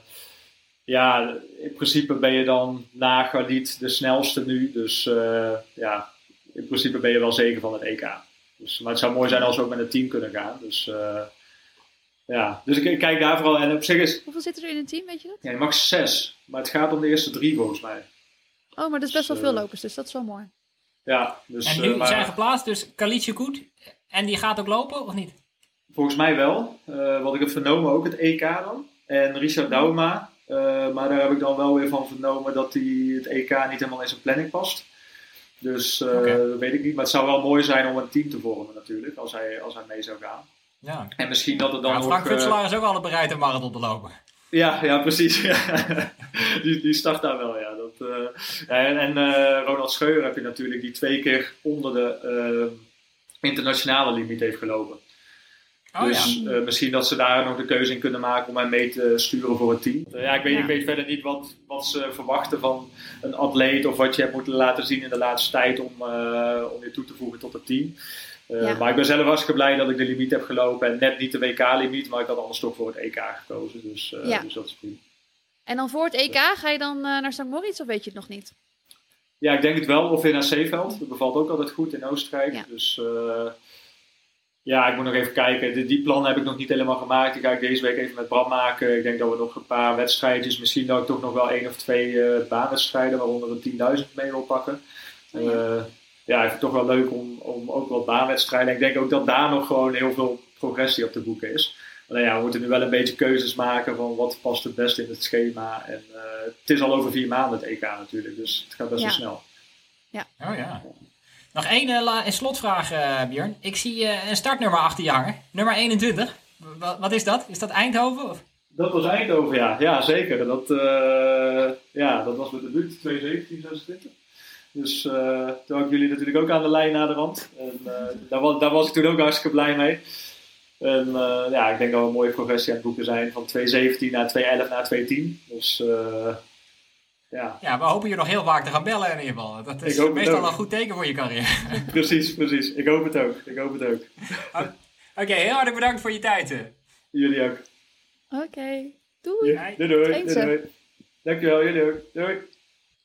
Dankjewel Björn Koreman. En dan hebben we nu gelijk Nienke Brinkman aan de lijn. Nienke, tweede in Rotterdam in een nieuw Nederlands record. En ik begreep dat je het Nederlands record een tijdje geleden gewoon even moest opzoeken. Hoe heb je dat gedaan? Hoe ik het opzoeken heb gedaan? Ja. nou, gewoon uh, mijn Google uh, Chrome geopend en uh, gegoogeld. Nice. Maar wat waren jouw emoties toen je daar 2,23 zou staan? Dacht je dan, oeh? Oh ja, dat, ik, dacht, ik, ik, dacht wel, dat is wel pittig. Maar toen, twee weken voordat de wedstrijd was, uh, gingen de trainingen heel goed. En gaf mijn coach ook aan dat hij, hij dacht dat ik rond 2,24 laag of 2,23 hoog uh, zou kunnen lopen. En toen heb ik hem verteld dat dat, dat uh, rond het ja, Nederlands record is. Dus toen ging het een beetje bij ons spelen eigenlijk. Wanneer heb je dat eigenlijk opgezocht dan? Het was niet twee weken van tevoren, dus je wist het al. Nee, ik, ik wist het al langer. Maar um, ja, mijn, mijn coach die wist dat niet. En ik ga je even een strikvraag stellen. Heb je nog andere Nederlandse records opgezocht de laatste tijd? en voor de zekerheid. Nee. Heel goed. Um, na je marathon heb je er overigens ook een, een soort interviewmarathon op zitten inmiddels, denk ik. Zo, ja, dat kan je wel zeggen. Ja, ik, ik, ik dacht, na Valencia ben je ontdekt door de Nederlandse loopwereld en nu ben je door heel Nederland ontdekt. Wat was een heftigere overgang, de eerste of de tweede? Uh, ik denk qua overgang was wel in Valencia toch wel het heftigst. Uh, want toen werd ik echt van het ene belletje naar het andere. En nu werd het toch iets, was het toch iets ja, beter gemanaged ook. En ik kreeg er nu ook heel, hulp in. Dus dat was op zich qua hoeveelheid was het denk ik wel te doen. Alleen ja, het was natuurlijk wel heel heel, heel veel reacties uh, en uh, ja, heel leuk. Uh, ik, heb er, ik, ja, ik geniet er nog steeds van. um, maar het was wel echt, die zondag zelf heb ik eigenlijk zelf niet echt rustig kunnen zitten naast, na de race. Of het was gewoon niet, ja, heel, ik, ik werd toen een beetje geleefd eigenlijk. Ja. Hoe is het met de beentjes nu trouwens? Ja, wel goed. Ik heb vandaag even geprobeerd weer. Gerend? Om uh, wat te rennen. Ja, Netjes. maar gewoon rustig. Ja. Gewoon een beetje lekker, want het is heel, heel lekker weer. En uh, ik dacht, ja, gewoon een beetje uh, een shake-out doen. en dat ging wel, ging wel lekker. Ja, ik heb gewoon een beetje stijve benen. Oh ja. en is, maandag is heb ik even... marathon dan daar een trailrun? Omdat het natuurlijk wel allemaal asfalt is en zo? ja, verschilt denk ik wel qua wat voor trailrun het is. Uh, uh, ja, nee, ik, ik weet niet. Uh, op zich denk ik dat het altijd wel een beetje hetzelfde is. Altijd gewoon stijve benen. -hmm. Ik had het eerder in de podcast al even met Olivier over. Dat je natuurlijk in, uh, in Valencia 226 liep. En toen vroeg Olivier aan mij van, uh, of ik verwacht had dat jij zo hard zou lopen. En toen zei ik van, nou ja, je woont natuurlijk in Zwitserland. En, en, en je zei al van in de vorige podcast van, ik heb nog nooit op hoogte getraind. En nu wel op hoogte voorbereid. Dus ik zei tegen Olivier, nou, ik had wel verwacht dat ze sneller zou lopen. En dat ze natuurlijk ook wat serieuzer is gaan trainen. En dat je dan wel vooruit gaat. Uh, heb je heb je voor je het gevoel heel veel veranderd in je trainingen? Om, ben je daardoor harder gaan lopen? Of is het gewoon omdat je meer maanden training achter elkaar hebt geplakt? Uh, ik denk dat het. Uh, nee, qua training heb ik niet echt iets anders gedaan dan uh, met Valencia. Maar Ik heb natuurlijk, ja, wat je zegt, dus ik heb nu op hoogte getraind. En het was nu ook wel echt een langer blok, marathon specifiek. Ja. Voor Valencia was dat eh, echt, ik denk vier, vijf, vijf weken. En nu eh, ben ik sinds januari echt aan eh, bezig met eh, Rotterdam Marathon al. Ja. En er zijn, ja, het is dus echt een lange opbouw geweest. Dus ik heb ja, langer en beter daar, daardoor voorbereid. En hoeveel kilometers loop je dan gemiddeld in zo'n marathonopbouw per week? Ja, daar heb ik ook echt op opgebouwd. Want in januari was het natuurlijk niet eh, 180 kilometer, maar op het laatste, de laatste, nou in, in zeg maar, eh, op hoogte was het wel rond de 180. En ehm, ja, maar dat, dat is dus niet de hele periode, drie maanden lang, eh, 180 kilometer. Nee, nee, snap ik. Maar je Eh, zat ook- toch in, in Kenia, toch? Ja. En eh, hoe hoog Ja, in dat? Iten. Eh 2400 meter. Ja, dus dat is 2300. 2000. Dus dat is eh, 180 kilometer keer 2,4, toch? Dat, dat telt dan toch zo qua, qua, qua training loopt. Ja, dat dat is pittig. Ja, ja? Is dat Nee, zo? nee, nee. Ja, is nou, helemaal niet- 400 kilometer. Helemaal niet scientific. Maar dat, is, dat, is, eh, dat zijn natuurlijk wel pittige weken op hoogte. Ja, ja, maar ja. Dat was, dat, maar goed, eh, daar focuste ik me ook puur op, eh, op het hardlopen. Ja. En dan kon ik natuurlijk tussendoor kon ik goed uitrusten. En eh, ja, Deed je dat- ook dutjes? Dat, was- dat was wel echt heel leuk. Ja, ik deed ook dutjes. Oh, Was dat nieuw? Ik, heb wel, ik ben niet echt een. Ja, wel nieuw. En ik, ik ben niet, niet super slaper eh, in de middag. Ik Mhm. ben niet een makkelijke, iemand die makkelijk in slaap komt. Eh, maar het was vooral ook dan liggen en even mijn ogen dicht. En eh, ja, zeg maar, dat helpt denk ik ook al. En gewoon even de benen helemaal rusten. Dus ehm, ja, en soms viel ik wel ook echt in slaap. Dus dat was ook wel lekker. Dat is natuurlijk ook wel gewoon het relaxte leven daar op hoogte waar iedereen gewoon Ja, eh, voor de En je training hoeft niet te koken. Ik, ik, ik hoefde niet te koken, want ik zat in zo'n eh, appartementencomplex eh, waar je dan wel je eten ook krijgt. Dus dan, Mhm. dan denk je, oké, je- ik hoefde dus niet zoveel te werken. Ja. En ik hoef niet te koken. Dus Boodschappen te doen. wat doe ik dan? ik hoef geen boodschappen te doen. Ja, dat is wel lekker. En dan loop je dus 180 kilometer per week. Ik moet dit ook eens proberen. Dit, eh, dit klinkt Ja, ja, ja, ja. Ja, maar heb je dan wat ook... is jouw eh, beeld van... Ja, maar ik moet toch even over het eten. Olivier, ze heeft het Oké, over eten. ja, ja, ja, dan moet ik toch even vragen. Want dat is toch een beetje de rode draad nu. Heb je dan ook ugali gegeten voor de wedstrijd? Voor, voor afgelopen zondag? Ja. Nee, dat heb ik niet gedaan. Heb je dat wel op trainingstage gehad? Dat heb ik wel gehad, maar ehm dus het was niet mijn wonder eten, denk ik. Dat is heel eh, politiek correct uitgedrukt. Niet mijn wonder eten. Ik, ik, Ja. ik wil zo graag vragen hoe jij de loopwereld ziet. Wat zie je dat dan als heel professioneel? Of, want ik, ik stel dat ik ga onderwaterhockeyen en na twee jaar blijkt dat ik veruit de beste onderwaterhockeyer van Nederland ben. En iedereen zegt, wow, wat is dit? Dan, dan hou je toch een heel raar gevoel aan over. Maar Of ja, nou ja, maar ik, ik, ik, ik train natuurlijk wel gewoon al, nou, nu al best wel lang, gewoon best serieus. En eh, ik, doe gewoon de trainingen zoals iedereen dat nu ook doet die op topniveau loopt. Dus eh, ja, ik- het is niet dat ik iets heel anders nu aan het doen ben dan, dan iedereen. Eh, ik, ik train gewoon ook oh ja, met hun mee en ik, ik train ook heel veel. Ik heb heel veel training toen in Kenia samen met Jill gedaan. En ja, dan is het niet opeens dat ik iets heel raars aan het doen ben of zo. Nee. Eh, ja, ik doe het misschien ietsjes minder lang, maar ik doe het wel ja, op een, op een Ja. niveau nu, denk ik, ja, gelijk, zeg maar. Je traint natuurlijk wel, als je 180 kilometer per week loopt, train je ook wel heel hard. Maar was er dan ook een moment dat je toen je op stage was, dat je een training deed en dat je dacht, oh het gaat nu wel heel goed. Ik, ik kan straks heel hard lopen in Rotterdam. Dat er één training was waarvan je dacht van nou, eh, dit, dit, moeten we, dit moeten we even stilhouden voor de rest van de wereld.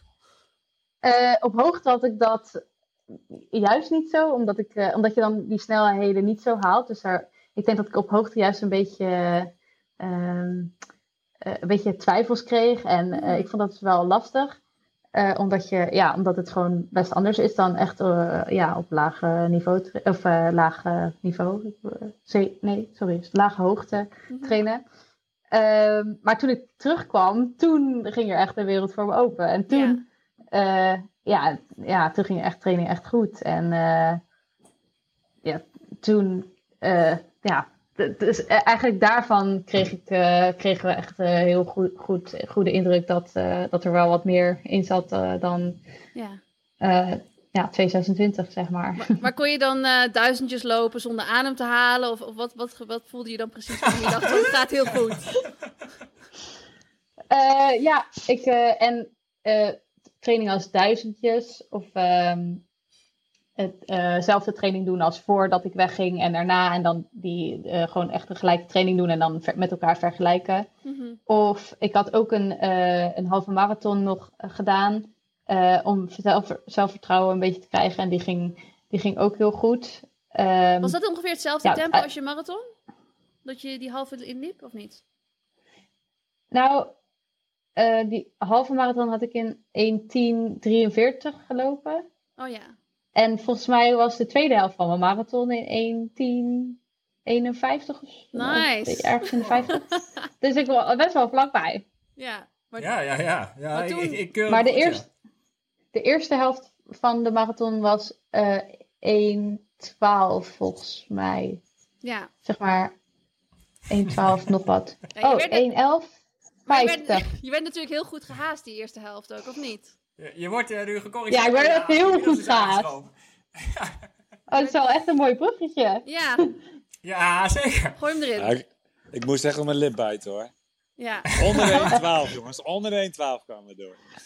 onder de 1-12. We hebben een haas erbij, paashaas, Imo Muller. 1-11-50 dan. Ja. Denk ja. Ja, oh ja. Ja, wat, wat, heb je, wat heb je staan op de halve, Imo? Je Wel iets zoals ik, toch? 1,11 of nee, 1,10 misschien? 1,10, ja. Wow. Ja, dat, uh, wij spreken elkaar natuurlijk wel eens. Jij bent mijn collega. En uh, een week voor de marathon had jij met Nienke getraind. Weet ik. En toen kwam je terug en toen zei je: Zo, die kan hardlopen. en, en, en, normaal train je met mij, dus ik denk: Ja, die kan echt hardlopen. Imo is niet zo snel onder de indruk. Wat nee. gebeurde daar die middag dat je echt dacht: Wow. Nee, die, die training, uh, nou dat is wel grappig. Het is eigenlijk alles wat ik met, uh, de, het contact wat ik met Nienke heb gehad de afgelopen weken, het, het is wel heel opbouwend. Want uh, toen we de eerste keer hadden over hazen, we hadden eerst contact over, over Guus, mijn loopmaatje, die zou Nienke gaan hazen. Toen kreeg ik COVID en toen heb ik mijn eigen marathonplan overboord. En toen, ja, wilde ik heel graag Nienke hazen. En toen was het plan nog 2 uur 26. En een week later was het plan 2 uur 25. Een week daarna was het plan 2 uur 24. Toen gingen we samen trainen. En toen bleek dat het nog harder moest. en zo was het eigenlijk ook met die training die we samen zouden doen een week van tevoren. We zouden eerst gewoon een duurloopje van een uur doen. En toen zei uh, Nienke, nou ja, we doen een, een, uur, maar we doen wel een paar versnellingen. En toen deden we uh, eh, 75 minuten met dan 6 keer 1000. En uiteindelijk deden we 10 keer 1000 en 27 kilometer. Dus, uh... Hoeveel dagen was het voor de race? Oh, nog wel veel voor de race. Ja. Nee, nee, nee. Oh, Oké. Okay. Uh, nee, dat was, ja. uh, was ver voor de race. Oké, okay, niet uh, dezelfde week.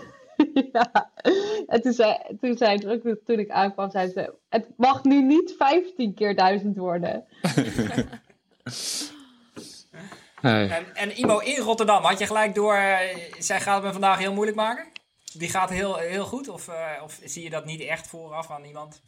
Nou, nee, ja, ja, nou, ik lette gewoon heel erg op tijd. En ik had wel echt vanaf kilometer 1 die, die, uh, die wat te hard ging. Ik had gelijk door dat... Uh, ja, je voelt gewoon. Nienke zat elke keer zo dicht op en heel strak en geconcentreerd. En, uh, Krijg je zo af en toe een vingertje in je rug zo? Voel je dat? Zo'n vingertje in je rug? Dat je harder, harder, harder. nee, je, nee, ik had wel heel snel door. Ook, ja, je kijkt als elkaar aan en je zegt soms eens een woord of zo. Maar ja, je kunt niet in andermans benen kijken. Maar ik wist wel, nou die is echt wel in orde. Ja. Ja, en dat, dat was ze ook. ja, dat was echt niet normaal. Man. Maar zat je er gelijk voor eigenlijk? Was de afspraak dat je vanaf meter 1 ervoor zat? Of moest je eerst erachter en dan... Ja, nee, Guus en ik hadden afgesproken. Dus, dus sinds het naar de, de start naar de Koolsingel, van de Koolsingel naar uh, onderaan de Rasmusbrug is gegaan... Uh, is de start iets smaller. Uh, waardoor uh, nou, Sukut, die viel volgens mij drie jaar geleden... Uh, Dus ja, we wilden dat per se voorkomen. Dus Guus en ik gingen de eerste 500 meter achter Nienke lopen met een gat. Zodat er niks van achter uh, ja, op hakken kon trappen of uh, oh, in de blokkeren. weg. Ja, eigenlijk gewoon blokkeren. Ja. En dan na 500 meter zouden we ervoor gaan lopen. Ehm, ja, eigenlijk totdat het niet meer zou gaan. Ehm, en ja, eigenlijk is het allemaal precies wel zo gegaan zoals we hadden bedacht. Ook bij de drankposten ging eigenlijk allemaal... Ja, je hebt toch een beetje angst, weet je wel. Als het ergens mis kan gaan, is het bij een drankpost. Of, maar dat ging eigenlijk allemaal best wel soepel. Tot waar heb je eigenlijk gehaast? Want ik heb natuurlijk niet live gekeken, dus ik weet het niet. Ik heb tot 25 gehaast. Uh, 25 precies. En uh, Guus mhm. tot, uh, die is nog doorgegaan tot 32. En toen eh, kon Nienke eindelijk de gaspedaal opentrekken. En, was misschien wel goed, toch? Hoe vond je dat zelf, Nienke? Dat, je dan, dat, dat zij uitstapte, had je toen het gevoel van... oké, nu moet ik het zelf doen, maar ik ben er klaar voor? Oh, nou, op het moment dat ze uitstapte helemaal niet. Want het ging zo lekker en ik was echt... ja, ik was echt heel comfortabel daar achter die twee hazen. En toen, uh, toen Imo stopte, toen dacht ik al, oh shit. En toen uh, was ik heel blij dat Guus, Guus nog even meeging. En toen, uh, op een gegeven moment hmm. ging hij, stopte hij er ook mee. En toen keek ik hem eigenlijk nog heel smekend aan van, nee, kan je alsjeblieft nog langer blijven? Een soort van, zo, zo keek ik hem aan. maar hij, hij was er echt, hij wilde er ook echt af. En toen toen dacht ik ook, oké, nu moet ik even, nu moet ik het zelf gaan doen. Uh, ja, toen, toen, dacht ik, ja, ik weet niet, toen is het ook een beetje vanzelf gegaan, omdat we net, we hadden net nog één vrouw, voordat Guus eruit ging, hadden we eigenlijk de derde vrouw ingehaald. Dus toen kreeg ik al een beetje meer, uh, ja, meer kriebels of zo. En, uh, en, ja, en toen stapte Guus dus uit en toen ja, is er, ben ik gewoon, dacht ik, ja, ik ga nog even gassen. Op kop rammen. ja. Dat je, dat je jezelf zeg maar haast en dat je dan, dan zelf voorop loopt? Of, of train je meestal met anderen en was dat eigenlijk een beetje nieuw voor je? Om mezelf te... om zelf aan de kop te trekken. Te... Oh nee, dat doe ik, ook best wel vaak gewoon in trainingen. Mm. Oké, ja, dus het was niet nieuw voor je. Dus dat, ja, dat is wel, wel te zien aan je splits, denk ik. Dat is dat je jezelf goed kunt pushen. Dat is... Uh... Ja, een hele snelle finish. En Imo, wist jij, wanneer wist jij ehm, hoe hard ze had gelopen? Had je dat meteen door daarna? Want ik weet niet waar je dan uh, uitkomt als je als haas uitstapt. Nee, nee ik, ik, stapte wel gunstig uit, zeg maar. Dus ik, vlak bij de Koolsingel was dat. Dus ik uh, liep door, even joggen. En toen heb ik nog een maatje over de, Kool, over de Rasmusbrug gehaast. En toen kwam ik op de Koolsingel. Uh, stond ik echt op de finishlijn. En daar hadden allemaal mensen die, die app. Uh, en ik wist dat we op 25 kilometer natuurlijk nog uh, echt op dat Nederland. Ja, steeds, we zaten steeds uh, aan het begin drie, vier seconden erboven. En aan het eind zaten we steeds drie, vier, vijf seconden eronder. Dus ik wist ja, dat we in ieder geval een heel eind op weg waren. en dan zie je die app en toen ja, er gingen steeds nog meer seconden af. dus op een gegeven moment ja, je merkt echt wel dat er iets bijzonders uh, gebeurt. Dat merk je al onderweg. Toen, uh, toen we doorkwamen op vijf, toen dacht ik ook letterlijk: oké, nu gaan mensen pas weten dat Nienke op het Nederlands record weggaat. Want daarvoor wist gewoon helemaal niemand het. Ik denk, nou, is even. Ik, ik wist het. Is even. ik, had, ik had gekocht. Dus even wachten, even wachten tot, dat, uh, tot de NOS er is en tot uh, mijn helikopter ja. uh, erboven gaat hangen. En de, ja, dat was echt zo. Hoor. Op het moment dat we die vijf kilometer doorkwamen, dan, dan krijgen mensen het pas door. En uh, ja, dan merk je zoveel publiek. En uh, ik heb uh, de naam Nienke gewoon de hele weg gehoord. Ja. Dat is echt... Ja. Kreeg je er veel van mee, Nienke, van het publiek? Ja, ja. de, ja, de hele weg. En vooral het laatste, die laatste paar kilometer was echt waanzinnig. maar het, al tijdens het hele parcours waren echt wel mensen echt aan het aanmoedigen. Ja, gaaf. De hele tijd naam, mijn naam roepen. Mm -hmm. Mooi. Nienke, heb jij nog meegekregen dat, uh, dat er de dag voor jouw marathon nog onduidelijkheid was over het Nederlands record? Nee. Had iemand, had iemand geen Google of zo? Nee, ja. ja. jullie kijken me aan van wat zegt hij nou voor onzin? Ja, maar, maar is dat door, door, die andere tijd? Ja. Nee, nee, maar Lorna heeft het gelopen in New York. En New York is van A naar B. Uh, en daar oh. zijn... Uh, dus bijvoorbeeld op Boston is van A naar B. Een record stellen daar niet. New York nee, is. maar er moet een bepaald aantal kilometers ertussen zitten, toch? Ja, ik heb New York gedaan. Nou, er zit een aardige afstand tussen A en B. Uh, ja. Maar New York valt echt met een, met een fractie binnen die regels. Uh, dat is 39 kilometer volgens mij, toch? Uh, ja, ik weet het. is echt zoiets. Hemelsbreed is minder volgens mij. Maar in ieder geval, daar was, nog, daar was nog echt wel vraag. Want dan zou het 45 hmm. seconden langzamer kunnen. Maar helaas. Daar had Nienke geen zin in, dat was duidelijk. nee, dat was, uh... Oh, dat heb ik helemaal niet meegekregen, joh. Nou, dat is hartstikke goed. Gewoon tunnel vision voor die, Ja. voor die wedstrijd en gewoon gaan. Ja, dat mocht... eh, Ik, eh, ik zou Ja. willen dat de luisteraars nu jouw blik meekregen. Was je onderweg nog bezig met splits? Of eh, had je gewoon zoiets van, ik ga gewoon aan die haas blijven plakken en eh, ik kijk wel. Ik ga gewoon zo hard mogelijk. Nee, eh, nou, ik, ik was vooral bezig met eigenlijk 5 kilometer split. Eh, en dan, want dat was ook wel lekker makkelijk rekenen. Eh, maar bijvoorbeeld zaten we echt in het begin, de eerste halve zaten bijvoorbeeld, kwamen echt de hele tijd vijf seconden te laat of zo. En dan dacht ik wel, oh, als, als we nou, ja, als je 10 sec- op eh, het record, weet ik het, 10 seconden gaat missen, dat is echt, dat gaat wel echt heel zuur zijn. Dus ik, ik merkte dat ik wel, ja, inderdaad, wat, Ivo zegt, ik probeerde heel erg de hele tijd echt er, erbij te blijven en Ja. van, eh, we moeten niet langzamer gaan. Nee, toch, eigenlijk toch even dat vingertje. Nee. Vingertje. Nee, nee, ik nee want we gingen, we gingen goed.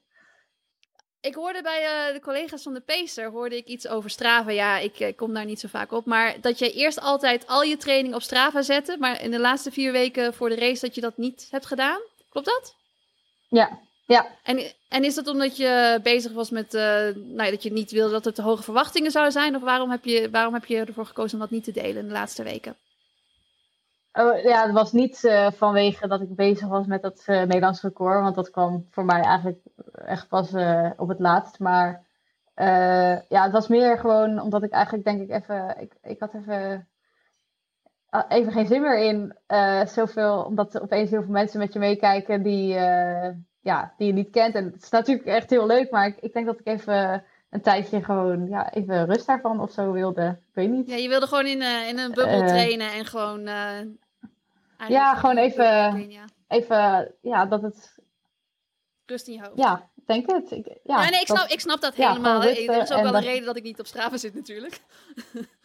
maar ehm, Ja, maar ik vind Strava dat dus wel wel, ik vind het dus wel ook weer heel leuk. Dus, eh, maar ik weet niet, ik had gewoon even geen zin meer in. en ga je nu wel weer terug op Strava? Oh, je bent al terug op Strava. Ik zag dat je een loopje in Rotterdam had gedaan. Ja, ja, Ja, ik zeker. had eh, Rotterdam Marathon. Ehm, ja, ik, had- ik had eh, Rotterdam Marathon had ik, eh, had ik op Strava gezet. Ja, waarom ook niet, hè? ik zou het ook doen. Zeker. Oh, eh, sorry Een paar kroontjes erbij. Ik Leuk. mijn internet. Nee, nee, ik verduidelijkte even jouw vraag als ze weer terug was op Strava. Ehm, maar ik heb al gelijk wel een aanvullende vraag. Want wij kregen ook een vraag of je ook eh, met je stride liep en of je daar nog iets mee gedaan hebt. Ja, ik, eh, eh, ja, ik had mijn strijd gewoon om. En ik had een bepaalde power meegekregen van mijn coach, waar ik ongeveer op moet zitten. En ik moet echt eerlijk toegeven dat ik er gewoon, gewoon niet naar gekeken heb. Nee, dus ik heb tijdens de race er niet naar gekeken. Was je dat van tevoren Ja, wel van heb- plan, of niet? Ja, ja, want ik dacht ik ga Ja. gewoon echt goed mijn data in de gaten houden, maar ik heb het echt absoluut niet gedaan. Ik heb het even opgezocht. Eh, je hebt 34 segmenten gepakt op Strava. Dat is toch zonde om die er niet op te zetten dan, hè? Heb je al op je stride gekeken wat hij nu voorspelt als volgende marathontijd? Want bij mij werd hij een stuk sneller Ja. na mijn marathon. Ja, bij mij dus ook. En, maar het grappige is dat daarvoor was hij 10 minuten, zat hij er 10 minuten vanaf. En dan zegt hij de volgende dag, na, na dus dat je dat hebt gepresteerd, zegt hij, ja, maar nu kan je een minuut sneller. Dus ik vind het toch wel een beetje gek. Maar wat is, wat, is het, wat is de voorspelling nu dan? Dan ben ik wel nieuwsgierig. Nu zegt hij 2,21. Oh, nice. Maar ja, Lijkt me toch de lekker. dag ervoor, de dag ervoor zei hij 2,33 of zo. Mhm. Dus, Wauw. maar Ehm, ik heb nog echt heel veel vragen ontvangen. Eentje waar ik wel om moest lachen is... Wat was je snelheid toen je begon van Joyce Droogsma? Dus je ging voor het eerst een stukje hardlopen. En toen liep jij... Weet je dat nog? Of hield je dat bij? in de eh, afgelopen zondag? Nee, Nee, nee. Nee, gewoon de allereerste keer dat je hard liep. Oh, eh, weet niet. Eh, Ik denk rond, eh nou, ergens in de 5 kilometer of zo, denk ik. Vier? Maar- En dacht je wel gelijk... vier- Nou, hier ben ik best goed in. Of? Ik denk dat het rond de 5 of 4, maar het is ook niet dat ik nou de eerste keer dat ik heb hard gelopen herinner, want ja, Mhm. tijdens hockey moet je ook gewoon hard lopen. Ja. Dus maar het gebruikte je toen een eh, horloge? Of was het toen gewoon van, ik neem mijn telefoon mee, muziekje? Of, of was je wel gewoon Ja. een GPS-horloge en zo? Nee, ik had eh, een iPod. Een iPod? Met van 4 gig, ja, 4 gigabyte. Die heb ik echt, ik denk, tot, eh, die heb ik echt lang gebruikt. Meer dan, meer, meer dan 12 jaar. Oh, echt retro. En, Mooi. Dus toen ging ik gewoon met muziek alleen rennen. Ja, top. Ehm, maar En wist je dan hoe lang je ehm, liep? Of ging je gewoon een rondje lopen? ja, gewoon, je weet toch, dan kom je terug en dan ben je, is het een uur later. Dus dan weet je toch hoe. Ah, simpel. simpel. Ja, je kijkt even naar de zonnestand. Ja. Top. Nee, nee Ah, maar met hardlopen was Oh, ja, het was gewoon... Je ga- eh, ging gewoon een rondje even je hoofd leegmaken of even... Ja, Mhm. niet echt op een bepaalde tijd of zo. Nee, deed ik, Ik- dat nog maar zo. Ik heb ook heel veel vragen, maar we kunnen ook. eh, Ik vind dat de vragen van de luisteraars ook moeten, maar mag ik ook af en toe een vraag stellen? Zeker, gooi hem er maar in, Maar Suzanne. die is misschien al gesteld, dat weet ik dus niet. Ah, Ik ben benieuwd of je, of je een van welke major zou je het liefst willen lopen? Van de major marathons. Eh, Oeh, dat is een goede vraag. Zou ik het liefst... eh, ik denk wel New York eigenlijk. New York, Ja, lijkt me echt, de stad. die lijkt me echt vet. Ja. Ja, En we weten nu dat je daar gewoon een Nederlands record kan lopen en dat het dan nog telt ook. Ja, Dus. Want ik wilde zeggen, ik denk ook omdat je natuurlijk, je bent wel natuurlijk heel sterk in de, in de heuvels. Dus ik dacht van, je kunt Boston met Heartbreak Hill. Dan waarschijnlijk denk jij van, als je die heuvel voorbij bent, denk je van, nou, is die, komt die heuvel nog een keer? Dus ik dacht van, misschien is dat wel een goede voor je. Die is, die is maandag, maar dat is wel een beetje vroeg misschien. ja, die... ja, die ga ik niet doen. Andere keer. Maar eh, lijkt me wel... Imo, ik heb het jou nog helemaal niet gevraagd, maar jij bent maandag in Boston toevallig, waar de marathon ook is. Heb je nog plannen? of eh, ben je niet geheel... Nee, nee, nee. Deze keer eh, hou ik me gewoon aan, eh, aan verstandige keuzes. Nee, ik ben inderdaad in Boston. Wat, eh, voor- Ga je hazen? Ik heb eh, geen, eh, geen eh, verzoeken binnen. Nee, ik ga zeker niet hazen. Ik ga ook zeker niet eh, lopen. Ik, een vriendin van mij doet mee, die wil wel een haas hebben. Ik zou even rondvragen worden. Dat is geen enkel probleem. Jammer. Eh, ik kreeg nog een vraag voor je binnen, Imo, van eh Björn Paré. Eh, namelijk, denk je dat dit de laatste keer is dat je voor Nienke kan hazen? Oh ja, dat hoop ik niet. Nee, ik, ja, het gaat misschien wat te hard. Eh, maar ik vond, de, ik vond het echt extreem leuk. Ehm, ik heb, ja, er is, het, draait allemaal niet om mij, dat begrijp ik. Maar ik was echt mega trots. En eh, eh, ja, ik stond daar te wachten op de, eh, op de call single. En het was sowieso gaaf, maar dat, het dan, dat Nienke het zo afmaakt. Ja, dat is gewoon een dag die, die ga je gewoon altijd onthouden. En ja, dat is echt super, super gaaf. Dus ik hoop het. Ja, nou, eerst doet ze een EK. En dan, moet, da- dan kan het niet. Dus dan zal het Nee. dus misschien volgend jaar. En ja, als ze niet weer dit soort reuzensprongen maakt, dan, dan eh, kan het misschien nog wel een keer. Ja, ja ik hoop het. Heel gaaf. Ik denk, ik denk niet dat je ooit een eh, wedstrijd hebt gehad waar je zoveel foto's aan overgehouden hebt, of wel? ik, eh, het is echt wel leuk, want ik, al die fotografen die sturen ook elke keer weer een linkje met ja, echt prachtige foto's. Waarbij, maar ik kan de Nienke er niet op nee, krijgen. nee, ik voel me elke keer, nee, daar sta ik goed op of daar sta ik slecht op. Waar is Nienke eigenlijk? Maar, maar Heel goed verstopt, maar de mooiste foto's van Nienke zijn toch die eh, echt op de call single, zeg maar. Ja, ik had ook het idee dat je, je zat natuurlijk, eh, je kwam steeds dichter bij die nummer 1. maar er was nog wel een, een gaatje en er zaten ook niet veel mannen rond dat tempo. Dus je liep echt, eh, die call single was echt helemaal voor jou, zeg maar. Dat zie je op die foto's ook echt zo.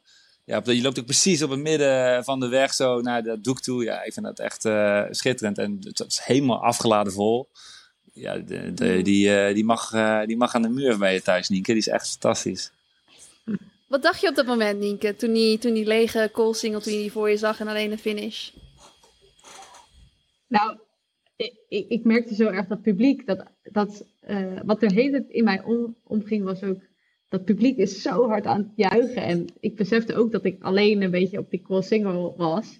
Dus ik ja, het is dan allemaal voor mij, eh, dat Ja. gejuich. En dat was, ja, ik weet niet, echt een cool gevoel. Ja. En nog heel even inhaken op eh Imo, want ik, ik zou het ook wel heel leuk vinden als jij nog een keer haast. Want ik vond het echt super, super hoe jullie dit deden. Ja, yes, Oh. yes. Oh, dat was hij naar het ja, ja. ja, is leuk. Ja. Ja. Nienke, we moeten het ook nog even over München natuurlijk. Hoe ga je daar naartoe leven? Ehm, nou, gewoon. eh, ja, weer lekker. Lekker veel trainen. Eh, ik ga denk ik je- wel ook op, op hoogte in juli. eh, Vragen? naar St. Mo- San- naar St. Moritz eh, is de bedoeling nu. Ja. Leuk. Ben je er dan ook? Ik, eh, ik wil in jullie ook al naar St. Moritz, dus dan wil ik wel een duurloopje samen doen. Maar ja, eerst moet ik nog wat dingen regelen, bijvoorbeeld een limiet lopen. Maar als ik het helemaal goed regel, dan ben ik ook in juli in St. Moritz. Olivier, wat zullen wij doen in juli? Ja, ik ben er nog nooit geweest, dus... Op eh, vakantie naar St. Moritz zijn. Wel een beetje duur, hoor toch? is the place to be. Nee, maar denk je wel dat je vanaf nu af aan iedere marathon op hoogte gaat voorbereiden? Eh, nou, als het kan wel. Ja, Ja. dat is ook wel een leuk excuus, toch? Ja, sowieso een Maar, leuk eh, excuus. Nou ja, als het kan, vind ik dat echt geen enkel probleem. Ik vond, ik vond het wel echt superleuk. Dus Ja. nee, ik, heb daar, ik zou daar geen moeite mee hebben. Nee, Eh, maar je hebt ook wel natuurlijk... dan- Je denkt wel dat het een groot aandeel heeft gehad in, in, de, in de sprong die je nu gemaakt hebt. Ja, dat denk, ik, dat denk ik wel. Ja, top. Eh, ik heb nog een vraagje over, eh, je liep met een pet. Is dat, was het omdat het misschien ging regenen? Ik heb het weer niet gecheckt. Of wa- wat voor reden? Of is het omdat je meer in de zone zit of zo? Ik weet het niet. Vroeg me af. Eh, ja, ik weet niet. Draag eigenlijk... Ik, pets vind ik gewoon heel fijn om op te hebben. Ik eh, heb eigenlijk altijd een pet op. Oh, oké. Ook in de training. Behalve ja, ik heb altijd iets op mijn hoofd. Eh, en als het geen pet is, dan is het een haarband die ik over mijn oren kan doen als het kouder is. Ja, ja. Eh, maar ja, ik, ik vind het gewoon heel fijn. Nienke. Nienke, ik weet niet, eh Guus en ik krijgen echt, zeg maar, vergeleken met jou natuurlijk veel minder berichtjes, maar ik voel me even een soort van influencer. Ik krijg allemaal DM'tjes. En Guus dus ook. En Guus liep ook met pet op. Ehm, en er zijn nu al twee gasten geweest die een bot hebben gedaan op zijn pet. Omdat ze het zo'n coole pet vinden. Dat is, dat is toch krankzinnig? Niet? Eh, Wordt, Oh, willen ze jouw waar? pet ook kopen? Of hoe zit dat? Nee. Ja, maar die gaat in het museum natuurlijk. Hallo. Maar hoeveel krijgt hij voor zijn pet? Zou ik wel verkopen dan? Ja, Eh, dan ken je Guus niet goed genoeg, want die haat Instagram en die, en die, die vindt het allemaal gekkies dat ze, dat, allemaal die, dat ze daar geld voor gaan bieden en zo. Maar hij leest dus wel alles, want hij, hij appt me meteen van, moet je dit zien? Maar jouw, jouw, pet, eh, jouw pet is niet, of jij, jij kan misschien niet alles lezen nu. Nee. Nou, ik eh, ben er doorheen aan het gaan. Zeg maar door de berichten. En eh, nog niemand heeft eh, een bot Je had ook een felicitatie van Kilian Jornet, zag ik. Dat vond ik wel indrukwekkend. Ja, dat vond ik ook zelf wel indrukwekkend, ja. Eh, ja, ik weet niet, echt super gaaf. Dat was, eh, Wat had je, heb je hem wel eens ontmoet? Je bent zelf natuurlijk ook een, een ultra-trail grootheid, maar ik weet helemaal niet of jullie in dezelfde wedstrijden zijn uitgekomen. nou, we hebben toen in Cerezinal elkaar ontmoet. En dat was eigenlijk mijn eerste ja, trailwedstrijd waar ik toen ja, ook een soort van opeens goed had gedaan. En toen zaten we vlak eh, naast elkaar tijdens de dopingcontrole. En toen ging ik eh, hem super veel vragen stellen. maar hij was heel aardig en hij vond het volgens mij ook niet zo erg. Want we moesten toch wachten. Maar eh, toen had ik, en, ja, dus toen had ik hem ontmoet, ja. Denk je dat je trailrunning, denk je dat dat echt je, je marathon eh, lopen aanvult? Of denk je, denk je dat het goed te combineren is? Dat, of denk je juist dat je daardoor zo hard loopt, omdat je ook de trailrunning doet? Mm, ja, ik, ik vind het gewoon ook een hele leuke discipline. Dus ik vind Mhm. ook wel gewoon dat het elkaar goed eh, aanvult, ja. En ik Ja. denk ook dat het dat bijvoorbeeld de snelheid die ik op de weg eh, heb, kan ik goed gebruiken tijdens de trailruns.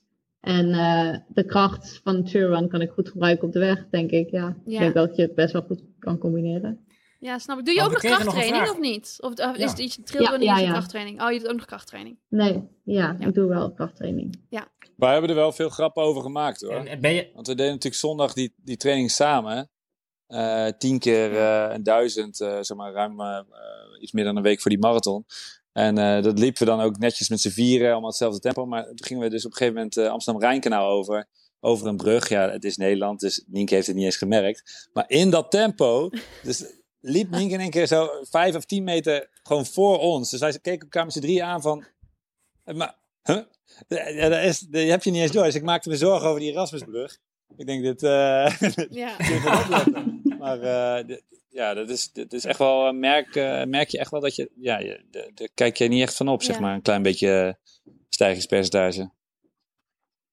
Je bent niet zo snel onder de indruk van een heuvel dan, Nienke. Ehm, nou, nee, niet van een brug. maar maar in, in, in, eh, op hoogte wel hoor. Want Ja. op hoogte ha- had ik daar echt veel meer last van. Ja, en in Kenia zijn natuurlijk wel heuvels. Ja, maar het lijkt, eh, het lijkt niet super stijl dan bijvoorbeeld. En dan, dan, dan voelde het echt zoveel zwaarder aan dan, dan bijvoorbeeld eh, eh, ja, hier op zeeniveau. Ja, ik heb dat hier als ik de trap oploop, dan ben ik hier ook echt gewoon helemaal buiten adem. Dus dat is, eh, dat is toch ook 2100 meter, hè? Dus dat is, eh, dus, eh, ja, is heel lastig. Zwaar leven, maar goed. He- Heb je eigenlijk ambities om op Suzanne's terrein, zeg maar, de 10.000 meter ook nog iets te gaan doen? Of wil je, wil je juist weg bij, bij de baan? Of? Oh, nee, ik heb, ik heb niet echt eh, het idee dat ik op de baan. Nou, ja, ik, ik heb nog nooit eh spikes aangehad. Ja, Dan moet je toch. Je doet eh, dat toch op spikes? Ja dat moet tegenwoordig. Dat, is, eh, dat zijn wel de regels. Nou, in ieder geval dat je een dun schoentje aan hebt. Dat hoeft niet per se spikes Ja. te zijn, maar dat wel, ja.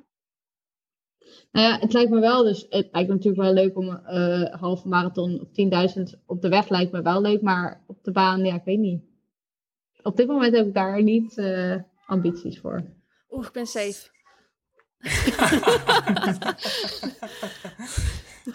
Suzanne, heb jij nog een vraag? Anders ga ik zo afsluiten. Want eh Nienke heeft denk ik... eh, Eh, genoeg, ja, hoe is het eigenlijk op Mars? Vroeg ik me af. Het weer? Of, Nou, weet ik niet. Hoe is het gewoon op Mars? weet je, weet, heb, Ja, je, Mars- heb, je, heb je deze week nog updates gehad of heb je niet gewerkt? Nee, ik heb vakantie opgenomen. Oh, oké, heel goed. Ja. Ja, ik begreep dat je na afloop van de marathon pas had gezegd van ik neem even vrij af. Ja, ik had, ik, eh, want ik had gedacht dat ik wel maandag zou gewoon naar, eh, zou gaan werken. Oh. Maar Maandag. ja, dat was het idee. Maar ja, toen zondag eh, dacht ik, ja, dat gaat natuurlijk niet werken. En toen dacht ik ook, ja, het heeft ook helemaal geen zin, want dan ga ik super inefficiënt werken en dan kan ik net zo goed nu wat vakantie opnemen en gewoon even uitrusten en dan de week erna weer, ja, normaal wat dingen doen. Dus ik eh, heb geen idee hoe het op Mars op dit moment is. Oh, oké. Ik denk heel, heel normaal. Heel normaal. nou ja, normaal. Niet zo gek als in Rotterdam. Nee. Nou, dankjewel. Eh, dankjewel ook Ibo. Heb jij nog spannende plannen, afgezien van Boston?